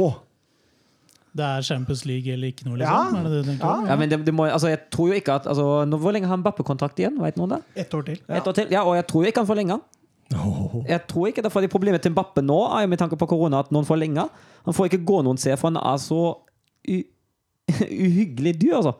For det er ingen som kan betale. Og hvis, Men hvis Neymar vil, har jo akkurat forlenga. ja, men hvis, hvis Mbappe vil et annet sted enn PSG og Frankrike, da bør han la, da bør han la være å forlenge. Altså. Spørsmålet er da om, om han får spille. Mm. Mm, det er spennende å se altså, hvordan dette utvikler seg utover Da. Hector Beirin er i hvert fall Inters første pris som erstatter for uh, Hakim. Barca har kjøpt Emerson. Ja. Ja. Og så så jeg Beirin. Arsenal forlanga ikke all verden for den heller. 20 mil eller noe sånt. Mm, mm. Solid. Men det er 20 mil uh, Det er 20 millioner Barcelona Barcelona ikke har, ja. Det, det er helt da, da, Men, jeg bare syns jeg hører Barcelona Hvor mye skal dere ha for uh, Beirin? Uh, en breakthwaite, uh, kanskje? Jo, men de kjøpte jo Emerson for ni. Ja. ja. Hvis ikke Så det er, det, er, det er jo halvveis, nesten. ja, og så har de jo nå solgt noen spillere, riktignok fryktelig billig, men uh, Nei, det der kunne de skrape sammen. altså. Det er jo også flere kilder som hevder at Varan nærmer seg Manchester United nå. At eh, Manchester United kommer etter hvert etter dette EM-et til å si at Sancho og Varan er spillere for Manchester United. Eh, hvis de to går til Manchester United, eh, hva, hva tenker vi da? Er dem, blir de favoritter, eller? Det er fortsatt, jeg vet ikke hva det er med spissplassen, da. Det er liksom det som uh, Kavani, hvis han fortsetter Ja, å levere og men- spille, da. Men, men kan Cavani spille 38 kamper i Premier League? Liksom? Nei. Nei, men, men du har jo Greenwood, og Mm. ja, Martial er jo kanskje ikke noe å nevne, men uh, en Greenwood som kan hospitere der når, når Kavani Cavani trenger hvile eller, eller er skada. Og så får du inn Sancho da på den andre kanten for Rashford. Det begynner å lukte United henter Patrick Schick til nå. Det spørs. Men eh, de, blir jo, de tetter jo noen hull, da. Som, eh, Ja, ja. Så det, det, det ser jo fort ut som en eh, solklar topp fire. Høres mye bedre ut med Lindeløf og Varan enn Lindeløf og Maguire. Ja, og Lindløf. Og, Han skulle, han skulle i hvert fall ikke benke Lindløf. Lindeløf. nei, men Lindløf har vært helt uh, Han, har- han har spilt på seg noen aksjer i Sverige i EM nå, han. Altså. Mm. Han har det. Real Madrid har i så fall blinket seg ut Wesley Fofana eller Huls Condé som erstattere. Ja, Ja, Wesley Fofana er fryktelig spennende. Han blir dyrere enn Condé, tror jeg. For Condé har vel en utkjøpsklausul klausul, på 65, så for Fofana tror jeg fort vekk de må punge ut enda litt til for. skal de ha. Altså. Kondé ser ut som reiser nå denne sesongen. Eller eh, Ja, han, har vært, han har også vært veldig tilbakeholdent med, med info, og det, det lover jo ikke bra for Sevilla. Men jeg, jeg nekter å tro at Sevilla slipper han for mindre enn utkjøpsklausul. Det tror jeg ikke. Da må det i så fall være noen spillere tilbake igjen, eller, eller noe helt hinsides eh, avtaler for videre. Rapporteres også at Manchester United eh, har vært i kontakt med representanter for Eduardo Camavinga. Det Han var litt skuffet i fjor, var det ikke? Ja, Gutten er ung. Gutten er Ja. Kanskje ikke til å være 18 år, da, men, men de forventningene han fikk den første sesongen, så var det jo et lite steg ned, var det ikke? Ja, altså, han var, altså, det, var flere sentrale midtbanespillere i ligaen denne sesongen som var bedre enn Camavinga. Ja. Det var det. Blant annet Aurelien Chouameni. sa United uh, van de Beek, da. Så ja. Arsenal driver og prøver å hente ut han! Ja. Det er rart ikke United bare sier vær så god. Ja. Ta med han, skal dere få 10 millioner til. Men Solskjær har jo åpenbart vært ute og sagt at han er ikke min jeg, det, det var ikke noe jeg ba om. Det, det er litt sånn scary. Det, Ja, det er ikke, det er ikke et godt tegn i det hele tatt. Var det Woodward da, som uh, Eller Woodgate, som vi kaller den her i podkasten. Woodgate, som uh, ja. Ehm, videre, Juventus har gjort uh, Demiral tilgjengelig for 40 millioner euro, og Everton, Roma og Atalanta står øverst på interesselista. Romero er, blir jo ikke værende i Atalanta. Nei, for Atalanta. han er jo tilbake i Juve. Ja, Demiral har vært litt skuffende. Ja, vi legger jo EM litt til grunn nå. Nei, men jeg mener jo ellers òg. Ja. Han har jo ikke vært det. Altså, han var jo hausa opp veldig for et par år siden, husker jeg. Husker for et par år siden de snakka om at det var ikke så farlig at Bonucci og Cellini blei ble gamle fordi man hadde en, en Demiral. Da er det jo bare for noe godt til Atalanta, da, så er han eh, Ballon d'Or-vinner om et par år. Gasperini, the magic hand. Aston Villa pusher for Tammy Abraham. Hva Ja. tenker du? Nei, det jeg føler, jeg føler jo at det kan, være, kan fungere godt, altså. Mm. Med, tanke på, med tanke på hvordan Esten ville spille, og en spillertype de egentlig trenger, føler jeg. Ja, Da tenker var han jo suksessfull sist han var der, når de rykka opp. Klart, da var det championship, men uh, en Abraham er jo fortsatt ung og trenger tid. Altså spilletid. Ja.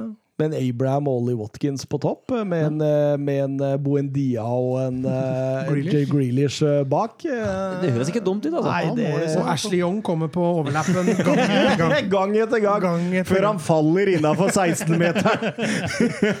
Men får den ikke spille for Manchester United lenger, får han ikke straffe.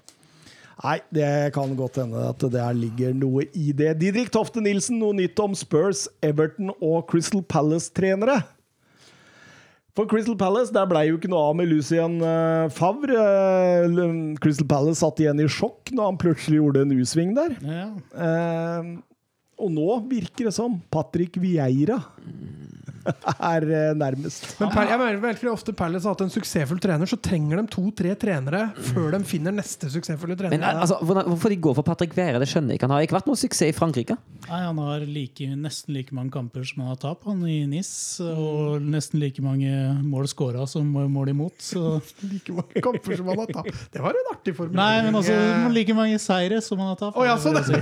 like mange kamper som han har. Ja, og- Da har du jo tapt nesten alle Ja, kampene, tenkte jeg. så fortsatt veldig varmt der. Men, men jeg leste den, ja, den er nesten i boksen. Han har jo Wikipedia-siden til Vieira oppdatert og hele, hele pakka der, så det virker som han er Crystal Palace-manager neste sesong. Oi, oi, oi. Ja, den, den er en svak ansettelse.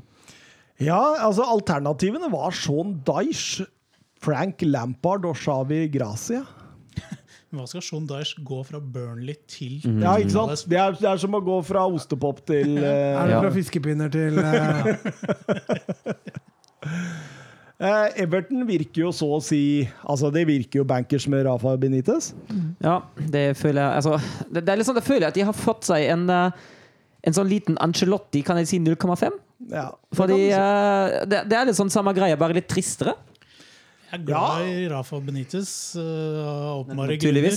Men, men, men uh, det er litt sånn som med Mourinho, at uh, tror tiden hans er litt forbi. da. Han var jo ikke det når han var i Newcastle. Men det er klart Everton er et steg opp, da. Steve Bruce har ikke gjort en veldig dårligere jobb, da. Nei, Hvor lenge kan han leve på dette, tror du? Ja, det er det. da. Hvor lenge kan han leve på Rafa Benitez, liksom? Han, han åpenbart gikk jo inn og gjorde akkurat det Benitez hadde gjort. Eh, bare litt dårligere, sikkert, og det forfaller jo sesong for sesong. For det blir spennende å se Newcastle neste år. Eh, men Rafa Benitez har jo ikke fått noe særlig hyggelig velkomst, søren. Nei, den var jo, altså, den var jo stygg, da. Den, eh, jeg vet ikke om det var Everton-supportere eller Liverpool-supportere som, eh, som drev med det der, men de hadde jo oppsøkt huset hans og hengt opp, hengt opp, et, opp et plakat 'Ikke signer, vi veit hvor du bor'. og det, å Det er trussel. Det er trussel, ja. Det å true og skremme noen fra å ta imot en jobb. Altså, det, det er så motbydelig. Ja, den er ikke fin. Den er ikke fin. Nei, men hadde Arne Erlandsen gått til Vålerenga Vi veit jo hvor Erlandsen bor, i hvert fall. Ja. Så vi Vi hadde kanskje jubla òg. Vet du hva? Jeg hadde, jeg hadde syntes det var helt greit om han ellers gikk til ja, Vålerenga. altså, Hadde det vært Jørgen Lennartson, så hadde det vært helt greit. Se for deg Arne Erlandsen, eh, relasjon Aron Dønnum. Den, eh, Åh. Ja, det er nok ikke så mye Rolex-klokker i Der er det mer Fitbit i huset til Arne Erlandsen. det tror jeg.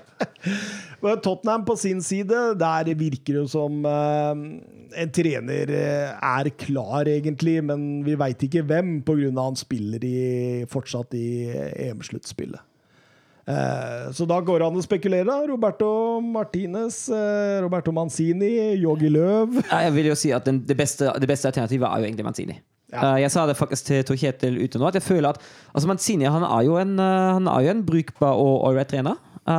Og det å være brukbar og ålreit skiller han på en måte ut mot en god del trenere som vi ser i dette mesterskapet. Jeg syns ikke Santos er imponert, jeg syns ikke Martinez er imponerende. Hva jeg har sagt om Løv og Southgate, har jeg sagt uh, tidligere. Jeg syns generelt vi ser mye altså De bor, ikke minst. Vi ser mye svakt uh, hos landslagstrenerne også. Det er lite imponerende. Men hvem hopper du mest på der? da? Ja, Roberto Manzini ti av ti ganger, Mm. faktisk, av de der. Eh, men ingen av dem skremmer meg så mye som Gattuso. Så men samtidig så var jo en av Men Espirito Santo var jo også hardt linka en periode. Ja, men, det, men, men det, det ser ut som han er en av de navnene under den bølgen som har blitt snakka om, om trenere som egentlig bare er linka i aviser og, og media, som egentlig ikke har noe rot i, i, i virkeligheten. Det virker som den siste seriøse eh, var Paulo Fonseca. Det er jo sikkert noen agenter som har interesse. Det er jo, må jo være en av de mer attraktive jobbene i fotball-Europa. Så for å skape blest, så ser jeg for meg at det er en del agenter som, som sprer litt rykter der òg. Ja, Det figurerer fortsatt eh, rykter om at Pochettino kommer tilbake, at eh, Erik Den Haag fortsatt er aktuell. Eh, Graham Potter går det noen rykter om at eh, Levi anser ikke han som klar nok. Jeg er 100 enig. Så Men da, det, samtidig, det har vært spennende med Potte også. ja, for det, det er en nydelig fotball. Ja, Og, og, og Brighton hadde vært mange hakk høyere opp på tabellen sist sesong. De hadde de hatt en spiss som skåra mål. Mm. Og det har jo Tottenham. Det har Tottenham. De var både én og to. Mm. Så det blir eh, Nei, det blir spennende å se, altså. Det, men jeg har latt meg overbevise om teorien om at eh, det er klart, men treneren fortsatt sitter i EM. Jeg har det. Blir Jan Andersson, det blir bra, det. Eller hakket hvassere, da. Frank de Boer. Det hadde jo vært uh... Men samtidig så kan du trekke noen konklusjoner av hva Li- Livi har vært inne på. Da. For han har sagt at Tottenhams DNA skal tilbake. Det skal være offensiv fotball. Da er det jo i hvert fall Er det Martinez i Belgia da? Det, men han er jo Ja, de, de, de prøvde jo å spille offensivt i uh, var det VM 2018, og så gikk det ikke helt. Uh, men jeg føler, ikke, altså, jeg føler ikke at han står for så mye offensivt sjøl. Jeg føler jo egentlig at det er mest stjernespillere som fikser det for ham. Eller er det en liten finte her at det kommer til å bli en svær, feit langfinger eh, til Arsenal, og så ansetter de Tiari Ari? Eller Mikkel Arteta!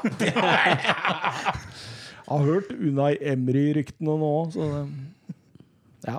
Det er, det er mye. Men nå har vel snart samtlige trenere i verden, unntatt deg og meg, vært rykta til denne Ja, jobben. men det er jo klart, Jo lenger den jobben står ledig, desto flere rykter blir det jo. Det gjør det. det, gjør det. Eh, vi kan avslutte med at Saul Niges skal være lei Atletico Madrid.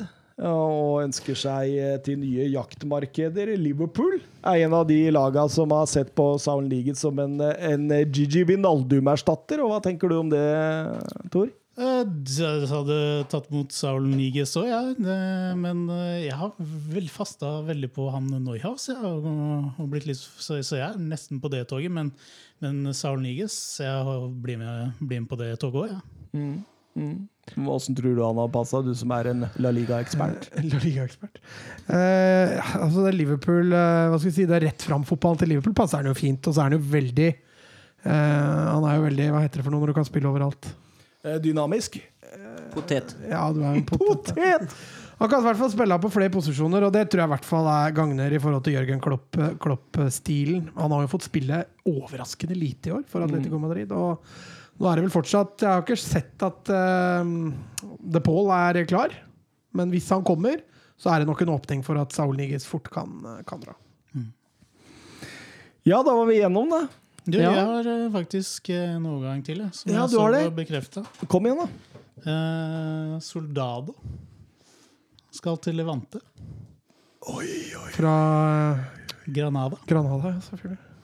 Roberto Molde-dødaren. Roberto Soldado. Så da, da er det bare å I Spania legger de aldri opp der. Ja, men hvem er det som var høyt linka til RB Leipzig nå? En spiss. Det sto et eller annet om at da får eh, Sørloth konkurranse. Å, fader. Ja, ja, ja. Jesus. Hvem var det? Ja, det bør jeg jo huske. Jeg husker ikke. Skal jeg bare begynne å ramse Det, det er spisser? en fra EM nå. En Skikk? Nei, nei, nei. Fanken, Nei, vet du, ass! nei, jeg husker ikke. Yeah. Hvilket land er det han spiller i? Husker du det? Pandev. Pandev. Goran Pandev skal til eh, Klassisk. Alexander Isak! Alexander Isak skal ikke til RB Leipzig. Hvem fanken var det igjen, da? Skal jeg prøve å google? For jeg kom på det her når jeg eh, kikka gjennom notatene mine i Det er stad. ikke han Stuttgart, han østerrikeren med Kalajdzic. Nei. Nei. Det var ikke han, men det sto, eh, altså, det sto liksom sånn Nå kan Sørloth sin posisjon være trua. Så sto det eh, Nei, for Jesse Mars eh, er veldig glad i å spille med to spisser. Så det kan gagne Sørloth, den overgangen der. Og det, det virka som det nærmest var klart. Men jeg husker jo ikke hvilken spiller. Nå googles det over eh, en lav sko her. Jeg, jeg, jeg tør Han ikke. spiller i EM. Ja, jeg mener han Jeg det. Jeg tør ikke å gå inn der og, og Nei, det er nettopp det, vet du. Jeg tør ikke, og jeg skal se England, Tyskland og Sverige og Ukraina etterpå. Nei, det er vanskelig. Det er så vagt å søke på. Fotballrykte overgang til ja. jeg bør Du må sikkert skrive det på engelsk. tenker jeg. sånn.